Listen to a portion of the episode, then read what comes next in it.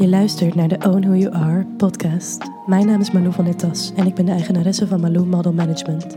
Dit is de podcast met echte gesprekken die verder gaan dan oppervlakte en het uiterlijk. Levensverhalen, authentieke personen en motivatie om dicht bij jezelf te blijven. Laat je meevoeren op deze reis naar meer verbinding, liefde en positiviteit. In deze aflevering neemt Vivienne je mee op haar inspirerende reis naar zelfliefde. Was voor mij een heel bijzonder gesprek, omdat ik zelf eigenlijk allerlei heldere inzichten kreeg door het verhaal dat zij deelde. Het was een feest van herkenning voor ons beiden en we hebben nog uren nagepraat. En dat zegt denk ik al genoeg. Zo gelachen, maar ook bijna gehuild, want het is allemaal echt niet niks waar we het over hebben gehad. Het gaat van de harde modellenwereld en het ontwikkelen van een eetprobleem, verlies en rouw, naar zelfliefde en de transformatie die je doormaakt als moeder. Het vuur vinden in jezelf, vrouwencirkels, ayahuasca en letterlijk dansend door het leven gaan. Veel plezier met luisteren. Ik zit hier met een hele mooie vrouw tegenover mij. en dan doe ik niet alleen op haar uiterlijk, maar ook op wie ze is. Want ik denk dat dat vaker gezegd mag worden. Dat je de vrouw om je heen als vrouw een compliment mag geven om de vrouw wie ze is.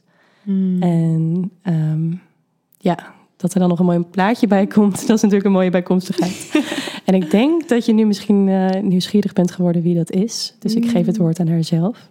Wie ben jij? Hi, eh, mijn naam is Vivienne. Ik ehm, ben al heel lang eh, model. Ik ben tegenwoordig ook moeder. En sinds het afgelopen jaar ben ik mezelf gaan omscholen naar coach. En ja, allerlei facetten die nog daarbij gaan komen. Het, is, eh, het wordt alleen nog maar meer en mooier, denk ik. Heel mooi. Wat voor coach? Ik focus me voor nu voornamelijk op vrouwen en eh, relaties. Dus stellen zijn ook welkom en mannen ook zeker. Maar ehm, ja, de relatie met jezelf, eh, de punten waar je tegenaan kan lopen. Dus echt het pad van de liefde. Mooi. Ja. En wat maakt dat vrouwen, dat stukje vrouwen, jou zo aanspreekt? Ja, dat is denk ik ook gewoon mijn eigen reis geweest. En de herkenning in mezelf, wat er allemaal is gebeurd op mijn pad. En ehm, hoe ik gewoon sterk voel dat dat een pad is wat veel vrouwen belopen.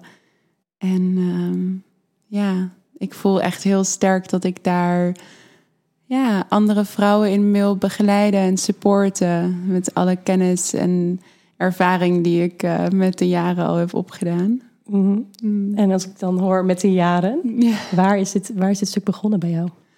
Kun je een moment aanhalen waarvan je denkt van... hier merkte ik, ik was nog een meisje Mm. en ik werd vrouw. Ja, dat is. ehm, ik denk met het moederschap Mhm. En ehm, daarna nog 19 maanden borstvoeding. Hele prestatie. Hele prestatie. en om dan te realiseren van, oh ja, I got this. I got my life. I, Mhm. Ik heb leven gegeven. Ik, ehm, ja, ik, ik heb gewoon nu mijn eigen leven te leven. En ik mag nu ook voor iemand anders gaan zorgen. Ja. En ehm, ik heb niet per se iemand anders nodig die voor mij gaat zorgen. Ik ben zelf de krachtige, wijze vrouw Mhm. die ik eigenlijk eerder altijd buiten mezelf zocht. En nu echt in mezelf heb gevonden. Is dat met de geboorte van je zoontje? Of is het... Nee, wel iets daarna. Ja. ja het begin van het moederschap was heel. eh, had ik nog heel veel angsten en onzekerheid. Wat er ook een beetje bij Mhm. hoort, natuurlijk. Maar eh, nee, ze hebben heel veel ja, oude patronen en gevoelens die ja, heel diep in mij verborgen zaten, zo even aan het licht geworpen. En ehm, Ik vind het mooi dat je dat op die manier aanhaalt. Want nou, ik heb zelf natuurlijk ook kinderen. hmm, En het is zo bizar hoe die tijd van ineens zelf moeder worden... hmm, de vrouw die er in je geboren wordt, maar in het begin nog weinig ruimte krijgt. ja. Dat je zoveel nieuwe verantwoordelijkheden en een hele andere dimensie aan het leven geeft. mhm. Dat ja, op een gegeven moment denk je gewoon, hoe ga je die vrouw weer de vrouw laten zijn die je ergens altijd al was, maar die je ook nooit meer helemaal wordt. Want je bent een soort van getransformeerd Ja. tot een soort Ja, ik denk eigenlijk dat je een soort van superkracht erbij hebt gekregen. Zo voelt het voor mij soms. Is dat iets wat jij herkent? Ja, zeker. Het was voor mij ook een hele reis om weer in tune te zijn met mijn eigen intuïtie. En um, hoe heb je dat gedaan? Ja, oh, hoe heb ik dat gedaan? Het was voor mij heel erg weer uh, landen in mijn lijf. Weer, weer voelen, letterlijk mhm. willen voelen.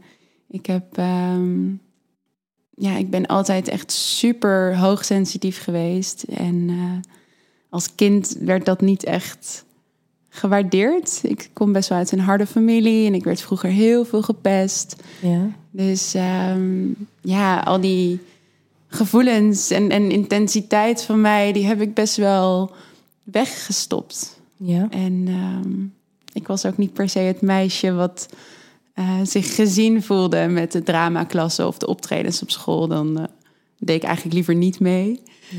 Hoe was dat voor jou? Ja, toen was het gewoon voor mij van zien mij maar niet. En uh, ja. Maar echt al vanaf jongs af aan? Of heb je wel een tijd gehad dat dat ook wel meer aanwezig was? Nee, je kon mij eerder vinden in het bos en in de natuur. En uh, het, het, maakte me ook niet zoveel uit. Ik, uh, ik heb heel veel, zeg maar, dan periodes gehad dat ik wel vriendinnetjes had en dingetjes mm deed. Maar nee, ik voelde me gewoon meer op mijn gemak ook op mezelf. Omdat ik dan ja, vrij kon zijn wie ik was.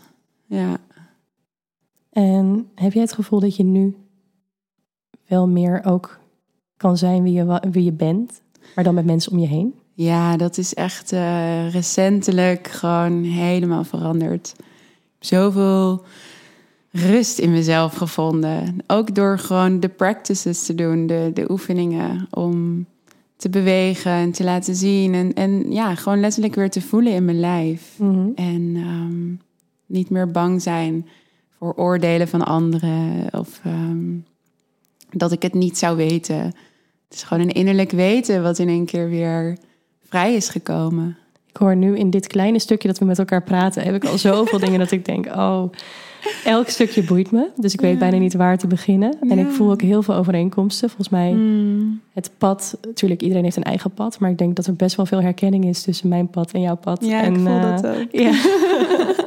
de manier van in het leven staan. En hmm. um, ja, ik zou het daarom heel mooi vinden om een soort van meer een kijkje in jou te kunnen krijgen. Dus hmm. net begonnen we een beetje bij de reis waar dat begon. Nou, het meisje die dus eigenlijk op zichzelf was, misschien niet zo gezien was, zich niet zo gezien voelde of gehoord voelde. Hmm. En toch begon daar ergens dat vlammetje te branden dat je dacht, ik doe er toe en ik wil me wel laten horen. En net zeg je iets na de geboorte van je zoontje. Maar er is een soort van proces tussendoor geweest ook, waardoor dat niet eerder ruimte heeft gekregen. Heb jij zelf een idee waar dat, waar dat door kwam? Of? Ja, ja, modellenwerk heeft mij ehm, eigenlijk ergens best wel gebrainwashed. Oh, nog zo'n stuk. Ja, ja. ja de, de overtuigingen die je daar vanuit meekrijgt. Mhm. En um, ja, ik weet er natuurlijk alles van, maar ik denk niet iedereen die luistert die dat heeft. Nee. Jij, kun je iets meer daarover? Wat, heeft dat, wat voor overtuiging heb jij het over? Ja, dat, um, dat er eigenlijk dat, dat er altijd wel iets is waar ze commentaar op hebben. Mhm. Is het uh, je benen? Is het je kleur? Is het je, je, energie, je, je energie? Of het maakt niet uit. Je moet altijd gewoon conform wat, wat anderen willen. Maar ja, dat is ook altijd veranderend. Dus er is ook niet echt een standaard waar je aan kan vasthouden. Behalve die eindeloze maten waar altijd maar op gehamerd werd. Van als je maar die maten voldoet, dan heb je in ieder geval iets waar je controle op hebt. Dat je goed genoeg bent. Maar... Ja, en dan had je die maten en dan was het nog steeds niet goed. Ja. ja. Heb je dat ervaren? Dat het gewoon altijd ja. beter moest? Ja, ja ik heb in, uh, in Milaan viel het nog wel mee. Ik werd toen wel heel erg dun. En uh, niet op een gezonde manier, helaas. Oké. Maar uh, toen ik op een gegeven moment in Parijs woonde, ja, toen is echt wel, het was gewoon nooit goed genoeg. En ik was echt, nou ja, ik was zo dun. En nog steeds waren mijn benen te dik. En me, oh, weet ik veel wat. En, ik vind het zo heftig om dit te horen. Ja, Ja, ik vind het zo mooi hoe jij jouw bureau op hebt gezet. Dankjewel. Ja. ja, het is ook echt voor mij heel belangrijk om juist dit soort dingen anders te kunnen doen. Ik weet dat het er nog steeds is hoor, maar Hmm. ik eh, moet ineens denken aan een moment waarvan ik niet weet of jij het nog weet. Ah, ben ik benieuwd. Ja. Mijn geheugen laat me nog wel eens in de steek. ja, bij mij ook normaal. Maar ik, ik zat er dus over na te denken van hoe, waar ken ik jou nou ook Dat alweer weet ik eigenlijk ook niet meer. En hoe zit dit? Nou, ik weet het dus. Oh. Ehm, ik denk dat het al 15 jaar geleden is. Hmm. Toen hebben wij samen een show gelopen. En het was Ah. ergens hier in Amsterdam. Ik woonde in die tijd nog niet in Amsterdam. En het waren volgens mij nog van die eh, beginnende studentenachtige... wel heel serieus opgezet. Dus het waren wel echt mooi... Amfi, denk ik. Weet het niet. En toen hebben wij daar een show gelopen. En dat was denk ik voor al dit wat jij nu vertelt over het hele dun zijn. Ja. Want ik weet nog dat ik daar binnenkwam. Nou, ik was toen echt heel jong. Jij bent een paar jaar ouder dan ik. Hmm. Maar jij was natuurlijk ook nog hartstikke jong. Hmm. Alleen ik weet nog dat ik wel echt... Wij zaten in hetzelfde groepje. En ik weet dat ik nog naar jou keek en dacht... Wauw, wat is zij al een mooie vrouw. Gewoon echt dat ik je als een Mm. vrouw zag. En dit is dus denk ik het proces geweest. Want daar was jij volgens mij... Je had een heel mooie figuur. Maar ik, je had wel al je vrouwelijke vormen. Ja, Dat die is me ook sinds mijn negende. Dat is me wel echt bijgebleven. Dat ik dacht, wauw, wat mooi. Want ik zat Oh, toen net... Ik kwam die modellenwereld binnen... en ik kreeg te horen van bureaus dat ik al... ook al te, te dik was... terwijl ik was 12, 13 of zo. Ik was echt Ja, heel jong. echt. Echt een kind. Bizar. En toen zag ik jou en nog meerdere... maar jij zat toevallig dus in mijn groepje... waar we mee gingen lopen en Mm. omkleden... en die dag waren. Was dat met die roze Ja. outfit? Ja, Ja, ik weet het nog. Oh, met dat tape wat niet blijft zitten. ja, ja inderdaad. Heel vaak met modellenwerk, dan heb je dus tape op. Of ja, je hebt zeg maar een soort van je tepels moeten bedekt blijven tijdens de show. Maar je hebt soms de meest open dingen aan. Dus dan plakken ze gewoon tape, wat je er ook weer af moet trekken. Ja, Ja, ja. Dat, dat plakken ze dan op. Een van de redenen dat ze grotere borsten niet eh, fijn vinden in de modewereld. Ja, Dat, het kan eh, eruit vallen en eh, een verkeerd beeld neerzetten wat ze niet willen. maar goed, bij die show, dat was waar ik jou dus ja. voor het eerst zag. Mm. En toen via Facebook, volgens mij, ben ik wel een beetje blijven volgen. Ja. Maar ehm, dat was het moment. Dus daarom vind ik het ook zo gek om te horen dat ik toen naar jou keek. Wel wetende wat de modellenwereld van je vroeg. Mm. Of nou ja, wat van me zou gaan vragen. Maar ook naar jou keek dat ik dacht... oh, maar zij is, zij is al echt model. En Mm. eh, is gewoon prachtig. Dat, dat is een soort van voorbeeld hoe ik zou denken van... zo moet dat. Terwijl jij dus eigenlijk voor jou in die struggle zat van... ik ben niet goed genoeg, ik moet afvallen. Ja, ik denk dat dat nog net voor die periode is. Want ik heb eerst bij een ander bureau gezeten. Ja? En ehm, die hebben mij wel gepusht om af te vallen en wat dingetjes te laten doen. Maar die hebben mij nog heel erg in Nederland gehouden. Ja? En ehm, op een gegeven moment werkte het gewoon niet meer voor mij. Omdat zij deed het wouden dat ik dunner werd, dunner werd. En ehm, ja, daar had, dat werkte gewoon niet voor mij. En ik stond toen nog best wel een soort van... ja, eh, ik ga gewoon eh, mijn hbo doen. Mhm. Ben ook gewoon mijn school gaan... eh, ja, naar een hbo gegaan. En modellenwerk, ja, ik, ik ben toen gestopt daarmee. En dat was even een soort van dingetje. En ik ging ja, van go-go dansen tot hostessenwerk... tot shootjes hier en daar, Mhm. showtjes hier en daar. Mhm. En ehm, ja, even later ben ik pas weer gaan, ben ik gaan reizen. Ja? En eh, ben ik bij een groter bureau terechtgekomen. En die heeft mij gewoon binnen een maand of twee heeft hij me naar Milaan gestuurd. En daar, daar is het voor mij echt wel veranderd. Hier in Nederland viel het me nog wel mee. Ja? Maar in het buitenland was het echt... Nou ja, gewoon elke dag een, een centimeter om je heupen heen. En nooit een compliment. Gewoon alles was... Oh, ja, nee, eh, je moet dit, je moet je zo kleden. Je moet dit aan. En eh, ja, nee, je benen, ja, je moet toch echt even anders. En dan ben je zo jong. Hoe oud was jij toen je daar kwam? Eh, ik was toen... Ik ben gaan reizen vanaf mijn achttiende. En Milaan was, was ik 19. Ja. Dus nog relatief oud voor modellen zijn. Ja, dat is ook waarom ik de vraag stel. Want er zijn dus best wel meiden die vanaf 16... Ja, eh, mag je in Europa onder contract staan bij de grootste bureaus. ja echt. En dus ook zonder ouders ehm, in een modellenappartement wonen. En dan is dit, dus, dit hetzelfde wat je over je heen krijgt. hè? Ja, ik heb in, eh, in Milaan zat ik dus inderdaad in modellenappartementen.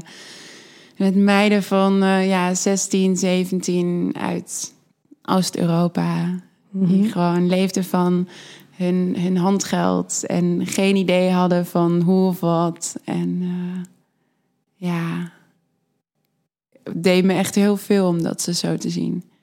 Ik voelde mezelf best wel krachtig ergens. Maar ja, Mhm. ik wist eigenlijk ook helemaal niet hoe ik voor mezelf moest zorgen.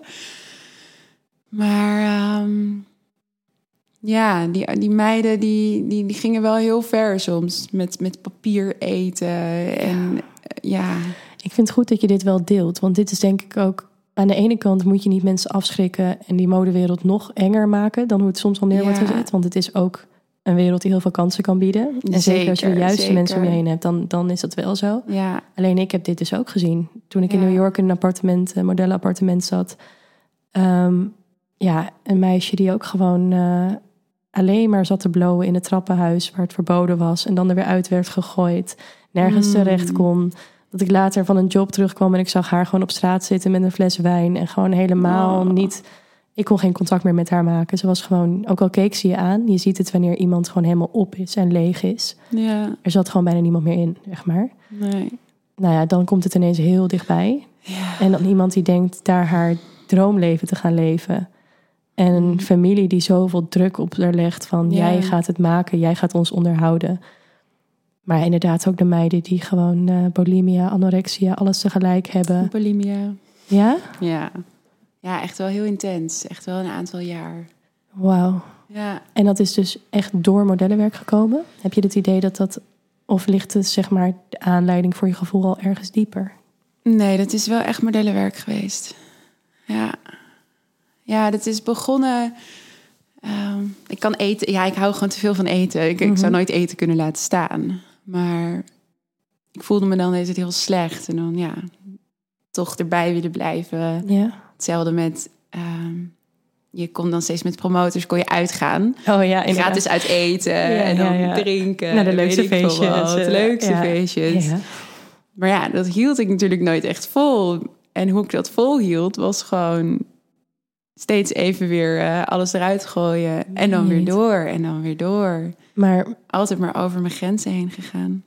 Ik vraag me dan af, is dat dan iets wat op het moment eruit komt wanneer je thuis komt? Dus je bent een avond geweest en dan kom je thuis en dan denk je, oh nee, het moet eruit, want ik heb me te veel laten gaan.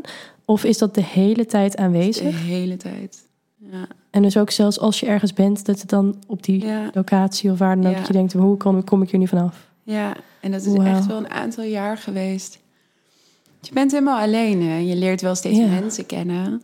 Maar, was had- je, had je het idee dat, dat je dat dan ook moest verbergen? Hadden mensen het door? Nou ja, mijn, eh, een van mijn beste vriendinnen, ehm, zij kreeg het door. Zij is eh, weer wat ouder dan ik. En op een gegeven moment woonden wij samen in appartementen. En het gingen we heel, werden we heel veel samen geboekt. Ja. En op een gegeven moment begon zij het te zien. En ehm, ja, zij heeft me daar echt wel van gered. Daar ben ik echt zo dankbaar voor. Hoe heeft ze dat gedaan? Gesprek aangaan.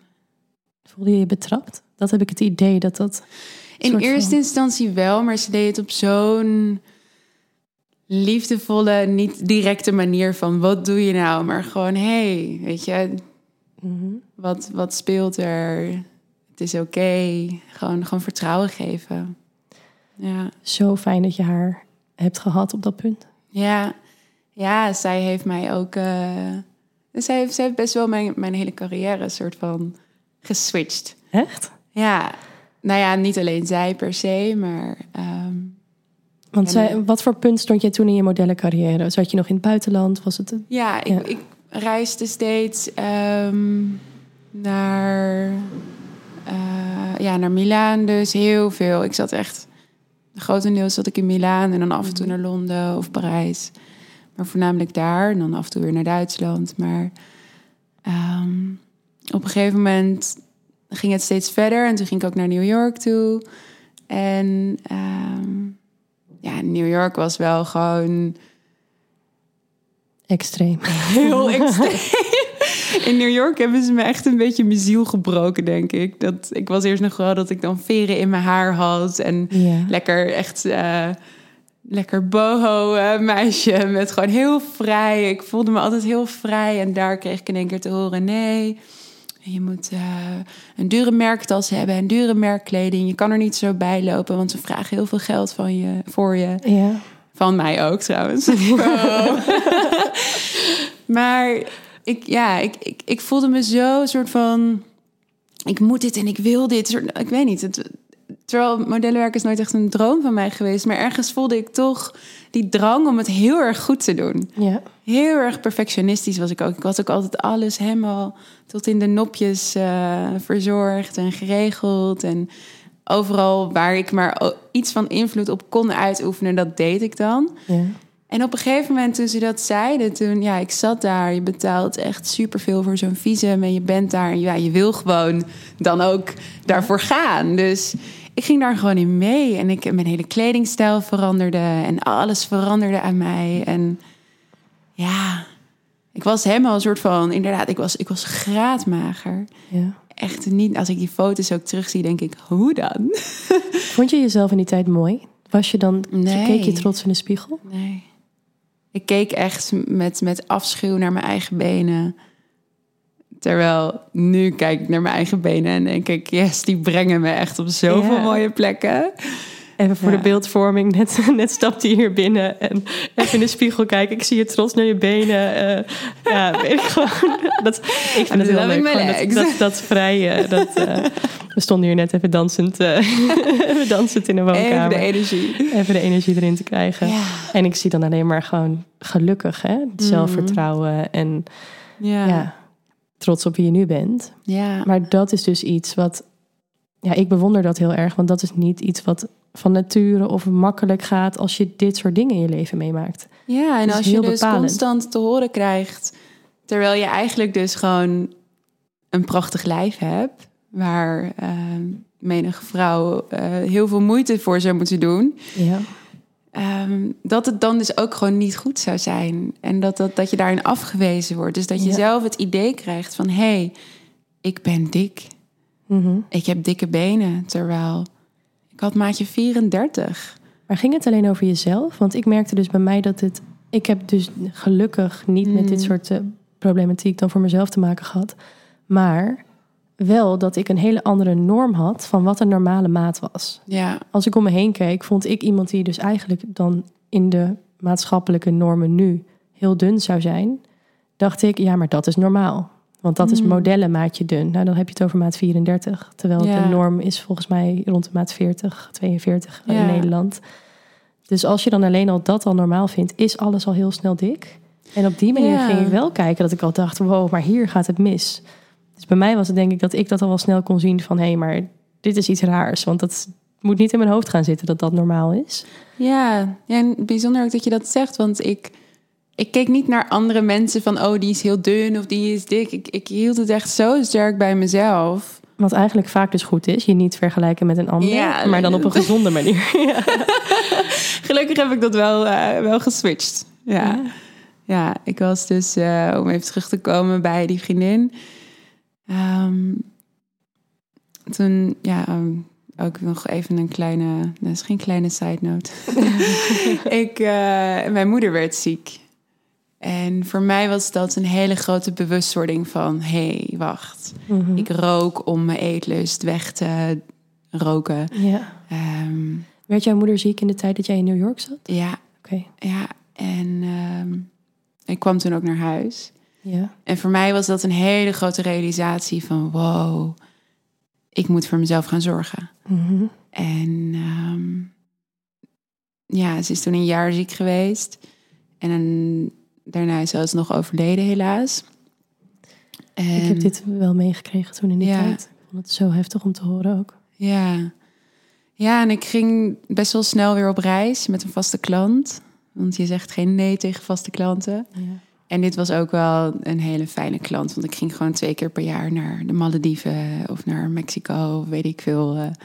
Kan een mooie afleiding zijn. Heel mooi. Ja, dat, Maar twee weken is best lang. En ehm, zeker in zo'n proces. ja, en toen zat ik dus met eh, mijn beste vriendin. En daarvoor waren we nooit echt per se zo heel close. zij is wat ouder en ik was wat jonger. En ik ben altijd heel erg naïef geweest. En altijd Mhm. heel erg soort van la la la la la. Ik dans overal een beetje doorheen, letterlijk. Maar toen ja, had ik het best wel zwaar. En zij heeft mij er zo doorheen geloodst en doorheen getrokken. En we zijn toen zulke goede vriendinnen geworden. Mooi is dat. Ja, En wat erg dat je die pijn daarin zo hebt moeten ervaren. Dat dat er ook nog even bovenop kwam op zo'n Ja. jonge leeftijd. ja maar ook... Is het, is het een lang, lang ziekbed geweest? Is het... Ja, ze kwamen erachter dat ze borstkanker had. En ik zat Ja. toen in New York. En ehm, ik was niet heel blij in New York of zo. Nee, ik Ik het. vond het heel erg eh, intens. En ze hadden besloten dat ze maar niet aan mij zouden vertellen dat mijn moeder ziek was. Dat dat ehm, mijn toen vriend mij zou komen opzoeken. Dus hij heeft ook al die tijd ehm, dat we met het tijdsverschil zaten te Ja. skypen, heel erg zich, ehm, ja, dat, dat stuk moeten wegstoppen voor Ja. mij. Dus dat, ja, dat voel je dan ook aan. Dus dat was, heel, dat was een hele moeilijke periode. Je voelt je dan dus eigenlijk al eenzaam in een wereld waar je heel Ja. erg beoordeeld wordt en niet jezelf mag zijn. Een soort van nieuw persoon aanneemt. Ja, Het stukje wat je verbonden bent met thuis is dan je vriend die je spreekt. En je voelt een soort ja, ongrijpbare afstand. ja, En dan komt hij opzoeken en dan wordt dat bommetje ineens gedropt. ja, ja. En in, wat ik net al zei, van ik denk dat daar een beetje mijn ziel is gebroken. Want ik switchte daar dus van die vrije jonge vrouw die gewoon door het leven heen danste naar de ja, best wel beheerste, verantwoordelijke. ehm, ja, ik, durf, ik durfde niet zoveel meer. Ik werd in Ja. één keer bang, want de vrouw die altijd alles aankon. Ik Ja. had echt een, een beer van een moeder. Dat was echt gewoon zo'n powerhouse. Echt Ja. gewoon kratten bier tillen. Gewoon alsof het niks is. Mij tillen. Als we dan op de fiets gingen naar de stad. Gewoon, ze was zo krachtig. Ja. En zij werd in één keer ziek. En voor mij was dat in één keer, oeh. Ik werd Ja, toen natuurlijk. echt zo bang. Maar ze En- lijkt dan ook een soort van onaantastbaar iemand. En dan helemaal je moeder, wat niet hoort. Ja, ja. Die, hoor, die heb je nodig. Ik bedoel, die heb je altijd nodig. Maar ja. ja, en toen is ze dus nog een aantal keer schoon verklaard. dat alles weg zou zijn. En ehm, uiteindelijk bleek ze dus toch, ehm, ja, was het overal uitgezaaid.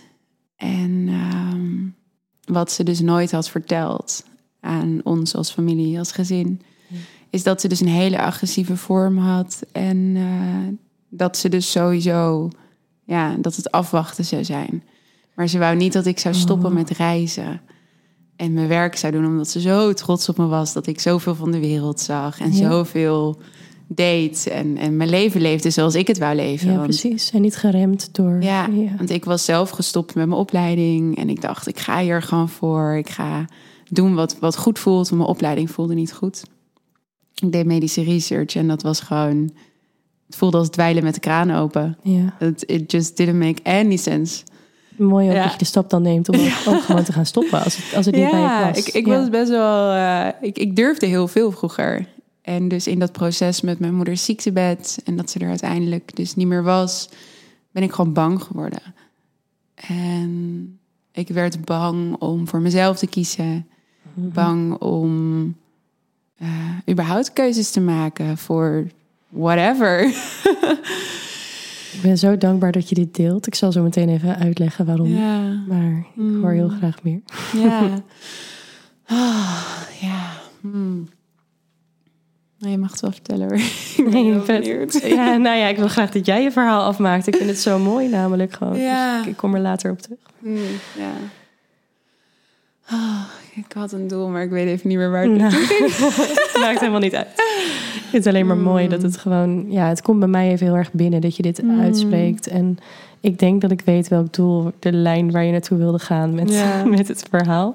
En daar gaan we zeker nog komen. Ja. Ehm, maar voor mij is het juist dat je deelt van ik wist niet meer... Gewoon al die angst. Hmm. Ehm, nu ik je dit hoor zeggen, vallen er heel veel kwartjes. Vandaar dat het te zeggen van dankbaar dat je dit zegt. Hmm. Ehm, voor mij was het zo, toen ik 15 was, overleed mijn vader. En dat was Mm. zelfmoord. Maar Oh. ook daarvoor wel een, eh, ja, een kort, twee weken maar. Maar een proces van, nou, hij was depressief, een burn-out, kwam thuis te zitten. En ook hij was, net als dat jij omschrijft, zo'n enorm sterke, krachtige man. Die gewoon, als hij een kamer binnenliep, hij kwam echt binnen, zeg maar. Ja. Hij kwam e- en hij had- was vrolijk, hij was de gangmaker, een gevoelsmens, die kon genieten. Dus ook voor mij was hij de man die daar wel stond. Mm. Ik bedoel, daar kon niks mee misgaan. ja. En het moment dat hij degene was die zelfmoord pleegde, ik kon het proces gelukkig, ik voelde het aankomen, ik voelde me altijd heel erg verbonden met hem. Dus gek genoeg heb ik het hele proces gevoeld, waardoor ik Mm. voorbereid was en letterlijk gezegd heb dat het zou gaan gebeuren. Mm. Maar dat nam niet weg dat bij mij daarna ook, wat jij omschrijft, een soort van angst. En waar je als kind zonder verlies in je leven dichtbij, ja. sta je op een zorgeloze manier in het leven dat je beseft van, ehm, eh, ja, je bent, bent niet zo bezig met de dood. Je weet dat het er is. Misschien Ja. op een manier dat je er bang voor kan zijn, of dat het iets is wat bij opa's en oma's gebeurt, of, of ziekte. Mhm. Maar ziekte is hopelijk dan ook nog niet in je leven. En op het moment dat ziekte of verlies en overlijden zo dichtbij komt, ja. krijgt het hele leven een heel andere dimensie. Ineens, dat was bij mij, dat ik ineens Ja. voelde van... waarvoor doe ik dit eigenlijk allemaal? Voor wie ben ik dit aan het doen? En dat kwam eerst heel sterk naar voren. Maar ik denk Mhm. ook wel door modellenwerk, wat ook bij mij... al dat zaadje had geplant van zelf al niet helemaal goed genoeg zijn. ja. En zoveel kansen in het leven, maar wat grijp je, wat grijp je niet? Mm. Ik denk dat dat bij mij ook die combinatie was, dat ik ook heel angstig werd. Ja. Oh. Het is eigenlijk dezelfde soort gebeurtenissen... ja. Wat maakt dat je van een persoon die eigenlijk in het spotlight staat, ineens afsluit. Ja. ja, dat je een soort van ja, beeld neer gaat zetten, Ja, maar niet meer per se je eigen beeld. dat is inderdaad beter omschreven. Ja. Dankjewel Ja. dat je dit deelt. Jij bedankt Ja. dat je het... eh, ja, het is meer de herkenning die ik daar, Ja. daar gewoon als ik je het verhaal hoor vertellen. En ik denk dus waar je naartoe wilde, is ook dat je op een gegeven moment dus merkt dat je een soort van masker opzet en een andere Ja. versie van jezelf gaat leven. Ja, zeker. Wat je nu volgens mij helemaal niet meer doet. Maar Nee. dat is natuurlijk een heel proces geweest van wanneer ga je dat herkennen? Mm. Waaruit het zich en hoe ga je het aanpakken? Ja. Daar ben ik bij jou wel heel benieuwd naar. Ja, en ik denk inderdaad, om, om dat aan te gaan, moet het veilig voor je zijn. Of voor je, in je omgeving. En ik voelde zoveel angst. En voor mij was, om nog even terug te komen op het modellenwerk, je verdient er heel veel geld mee. Mhm. En het is heel fijn. Maar als je niet werkt, dan verdien je ook geen geld. Dus ik werd bang om nee te zeggen. Ik werd bang om Nee te zeggen Voor- tegen modellenwerk of ja, tegen klussen. Ja. Ehm, ja, met modellenwerk dus. Ja. Want ja, je weet niet wanneer de volgende weer komt. En we hadden inmiddels een huis gekocht. En eh, ik was me er heel erg bewust van dat...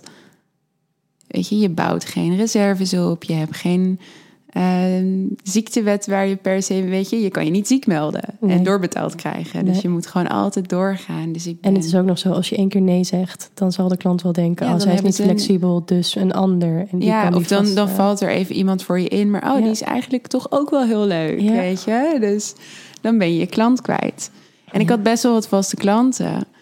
Maar ik realiseerde me ook, want ehm, na het verlies van mijn moeder heb ik heel kort soms nee gezegd. En toen ben ik wel gewoon meteen klanten kwijtgeraakt. Dus, dus het werd dat ook nog eens bevestigd. Het werd die ruimte ook mocht je ook niet bevestigd. nemen. Ja. dat ik die ruimte niet kon nemen. En toen werd ik zwanger. En ehm, ja, toen nog best wel lang door kunnen werken. En je zag het nog niet zo snel. ja. En toen met acht weken was mijn eierstok dubbel verdraaid. En moest ik geopereerd worden met Terwijl je zwanger was, Ja, ja dat Ja. was echt een gigantisch traumatische ervaring. Maar wat ze dus hadden gedaan met een kijkoperatie, moesten ze, want ze wisten niet wat er speelde. Ja. Het was, ja, ik kon niet zitten, liggen, niks. Dus je had ineens acuut heel veel pijn. Ja, ja. Ja. ik, was, ik kwam net terug uit Barcelona van een job. En die volgende dag, en ik, ik stapte op uit bed en ik viel echt flauw. En ik, ik werd helemaal onwel en gewoon van de pijn. Ik kon niet meer. Maar ehm, toen naar het ziekenhuis geopereerd. Eh, gelukkig was het heel, een, een hele kleine operatie, maar wel Dus dat je hele buik zo opblazen. En ik had dus nog mijn vaste bikini-klant staan. En ik dacht, nou, dat red ik nog net. Oh. Ik had wel een hele volle borsten, maar mijn buik was nog steeds gewoon een sixpack. Je zag, je zag het daar niet aan. En eh, ineens kon ik dat niet. Kon ik, kon ik die klussen niet meer doen. En realiseerde ik mij, oh, ik heb mijn reserves best wel ja, uitgegeven aan een, een mooie bruiloft, aan een huis en, Ja. en aan leuke vakanties. En ik heb nog wel wat, maar oef, weet je, hier had ik niet op Nee. gerekend dat ik nu al moest stoppen. Want die klus, dat was altijd best wel groot, groot inkomen. En die kon ik Ja. in één keer niet doen. Dus ik kreeg een beetje paniek, of course. Ja. En ehm, ja, mijn zwangerschap ben ik ook gewoon heel bang geweest. Van, oh, hoe ga ik dit allemaal doen? Financieel gezien was je daar. Financieel gezien, maar ook gewoon van... Kan ik dan ooit wel weer werken? En krijg Ja. ik allemaal streamen op mijn buik? Ik deed heel veel lingeriewerk. Nou, Ja. Ik dacht echt van, straks krijg ik zo'n zo'n fanny pack, weet je Ja. wel, uiteindelijk aan, aan huid of zo. Want ik heb hele, ik ben hypermobiel en mijn huid is echt onwijs flexibel. En eh, Dat ik is dacht, dan, dan weet je dus eigenlijk dat je daarin goed zit waarschijnlijk, of niet? ja, nou ja, ik, ik, vond het, ik vond alles eng, dus dat vond Ja. ik ook eng. En ja, toen daarna... Zo zonde ook. Als ik dit hoor, dan denk ik eigenlijk zo'n soort van donkere sluier over een hele periode geweest. Ja. Van zorgen en, en Ja. zwaar. En, Ja, het heeft me zoveel inzichten gegeven. En ik had gehoopt, natuurlijk nu met de kennis van nu, van hoe je daarin staat en wat het allemaal voor invloed heeft. Van, oh, had ik het maar anders kunnen doen. Maar anderzijds denk ik ook dat onze zoon gewoon echt naar ons toe is gekomen. Om Mm. ons ook hierbij te helpen. Want hij is zo bewust ter wereld gekomen en hij is zo van slag geweest. ja? Ja. Waaraan merkte je dat? Ja, gewoon niet slapen. Hij nam geen fles. Hij was, ik denk tot acht maanden ben ik gewoon altijd met hem kunnen moeten blijven. Omdat, ja, hij wou alleen maar aan de borst. Hoe erg krijg je dan die les op je bordje van loslaten? Hè? Want alle Ja. angsten die je tijdens je zwangerschap voelde, van kan ik wel weer gaan werken? Hoe ga Ja, ik het doen? En dat kon dus Dat allemaal kon niet. niet. Helemaal niet. Nee, en dus eh, ik, kon, ik kon mezelf wel steeds nog gewoon een salaris uitbetalen voor de maandelijkse lasten. Maar ja, dat werd wel een beetje kariger. En toen eh, kon ik eindelijk, weet je, dat, dat ik dan overdag niet meer hoefde te voeden. En na negen maanden was mijn lijf ook weer een beetje gewoon hoe het was. Niet precies, maar ik was wel weer gewoon... Maar dit even tussendoor. Mijn lijf was weer gewoon zoals... Dit is iets waarvan, nou ja, 9 van de 10 vrouwen krijgen niet meer het lijf terug. Wat het was geweest. nee, En daar dan soms even bij stilstaan voor jezelf. Ja. Van hoe bizar is het dat je dat terug hebt gekregen. zo... Ja, Dankbaar. ik Je mag je heel dankbaar voor zijn. Ik ben zo dankbaar voor mijn lijf. Ja, Ja, het heeft me zo overal doorheen gesleept en, en zoveel moois laten zien. waar misschien ook wel weer een beetje die liefde, die zelfliefde meer ontstaat. Dat je denkt, Ja. zie je wel, ik kan dit allemaal doorstaan. Ja, En ook nog eens mijn lichaam, die eh, ja, werkt ook nog eens even mee. Ja, ja en ik heb mezelf ook echt wel die tijd gegeven. Ik, eh, ik heb, ondanks dat ik het eng vond, ben ik niet eh, mezelf gaan pushen met diëten en sporten wat niet goed voelde. Ik heb daar wel gewoon de rust in genomen. Ondanks de angst die ik voelde en de onzekerheden. Dus daar ben ik ook wel heel blij voor dat ik Heel goed. daar niet in vast. Ja, maar dat is ook wat een kindje met je doet. Weet je, je moet wel. Absoluut, maar dat je, wilde ik dus je ook krijgt zo'n spiegel. Maar op het moment dat je erachter kwam dat je zwanger was en ja, dan ga je aankomen. Dat hoort bij een zwangerschap. Je Ja. moet aankomen. Ja, ik heb me daar niet. eh, Ben je daarmee bezig geweest met qua bulimia? En Nee, nee, dat? nee, nee. Want bulimia is, is met het verlies van mijn moeder echt instantly eh, was dat klaar. Omdat je toen echt dacht, dit Ja, wil ik niet. Ik ga Ik voor ben, ook iemand, ik ben toen ook gewoon van de een op de andere dag gestopt met roken. Ik rookte echt gewoon dagelijks, echt Ja. gewoon non-stop. En in één keer dacht ik, nee, klaar. Ja. Dus ik kan, ik, ja, als ik mijn hoofd ergens naar zet, dan gaat het ook gebeuren. Oké. Dus dat, dat, daar ben ik ook wel heel dankbaar voor. Ehm, maar ja, even kijken, waar waren we ook weer? Nou ja, dat eigenlijk dat punt al was dat je een Ja. kindje kreeg. Ja, dus toen eh, ging ik wel weer lang. werken na die negen maanden. En eh, dat was wel heel fijn. Maar er kwam ook best wel snel weer een, een heel gedoe met corona aan. Dat, dat, ik, dat al het werk in één keer wegviel. Ja. Dus ik dacht, yes, ik, eh, ik ga eindelijk weer een beetje wat geld verdienen. En mijn reserves worden weer een beetje aangevuld. En dat komt helemaal goed. En dan ineens valt al je werk weg. En Oh. heb je geen idee hoe dat... Want in het Volgende begin wisten we ook niet wat, wat er zou gaan gebeuren met Nee. de hele wereld. En dan ben je nog zo oh, bang. En ik dacht Ja. echt, naar de wereld... Mijn leven, hoe het is, dat is gewoon klaar. Ja, En, het wordt nooit meer hetzelfde. ja, ja. Ja, en ook het feit dat ik dus als vrouw, als moeder geen inkomen meer kon werven. Dat dat, dat Ja. in één keer.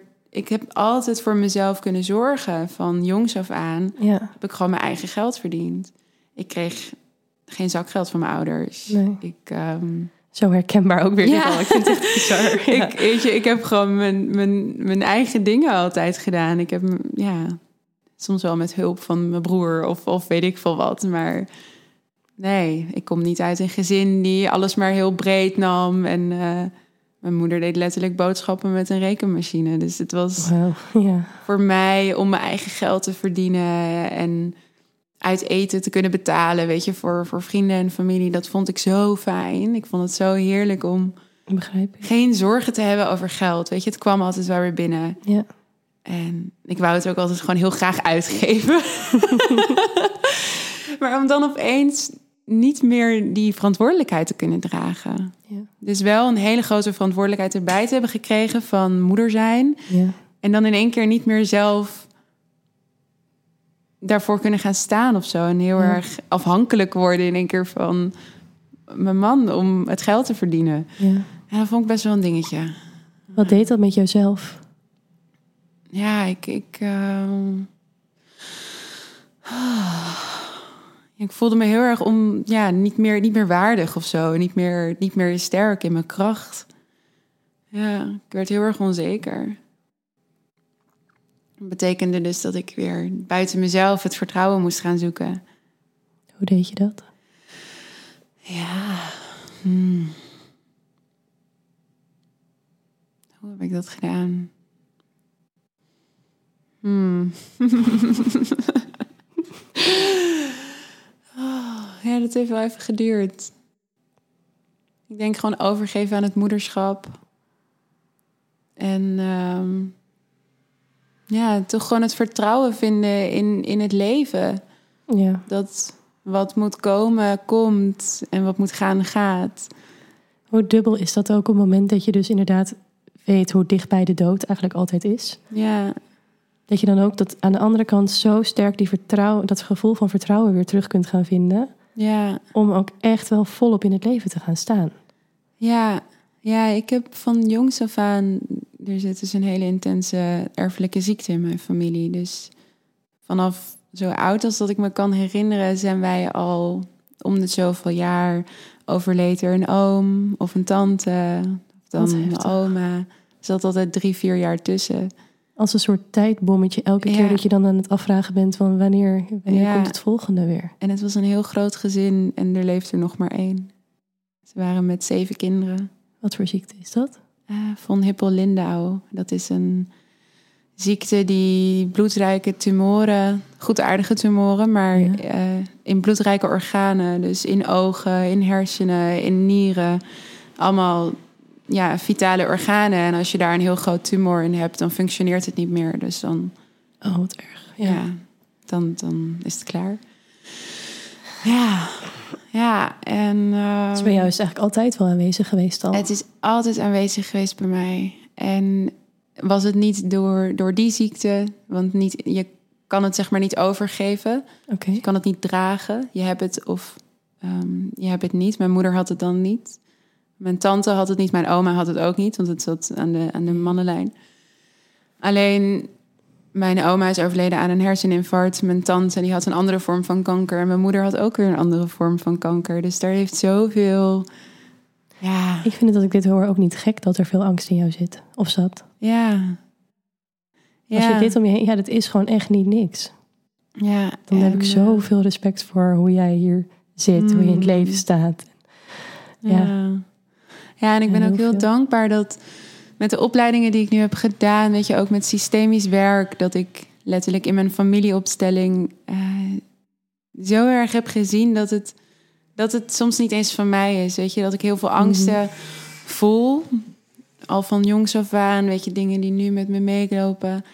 Maar dat die helemaal niet van mij waren. En dat die echt veel verder terug liggen in mijn familie. En zelfs buiten mijn familie, weet je. Dat is gewoon ja, ook ergens collectief. Ik denk dat heel veel mensen daar niet van bewust zijn. Dat het nee. sowieso überhaupt een emotie voelen. Dat het mm. heel belangrijke stap is ook om te gaan kijken... is deze emotie van mij überhaupt? Ja. Uh, waar komt die vandaan? Mm. En zeker als het dingen zijn die zo diep zitten. Ja. Het is wel eigenlijk voor mij ik vind het heel mooi om te horen dat jij door je eigen opleiding die je bent gaan doen, mm. Lijkt het alsof jij jezelf een soort mm. van therapie hebt gegeven en dingen bent gaan helen, terwijl je dat eigenlijk een ander wilde gaan bieden. Ja.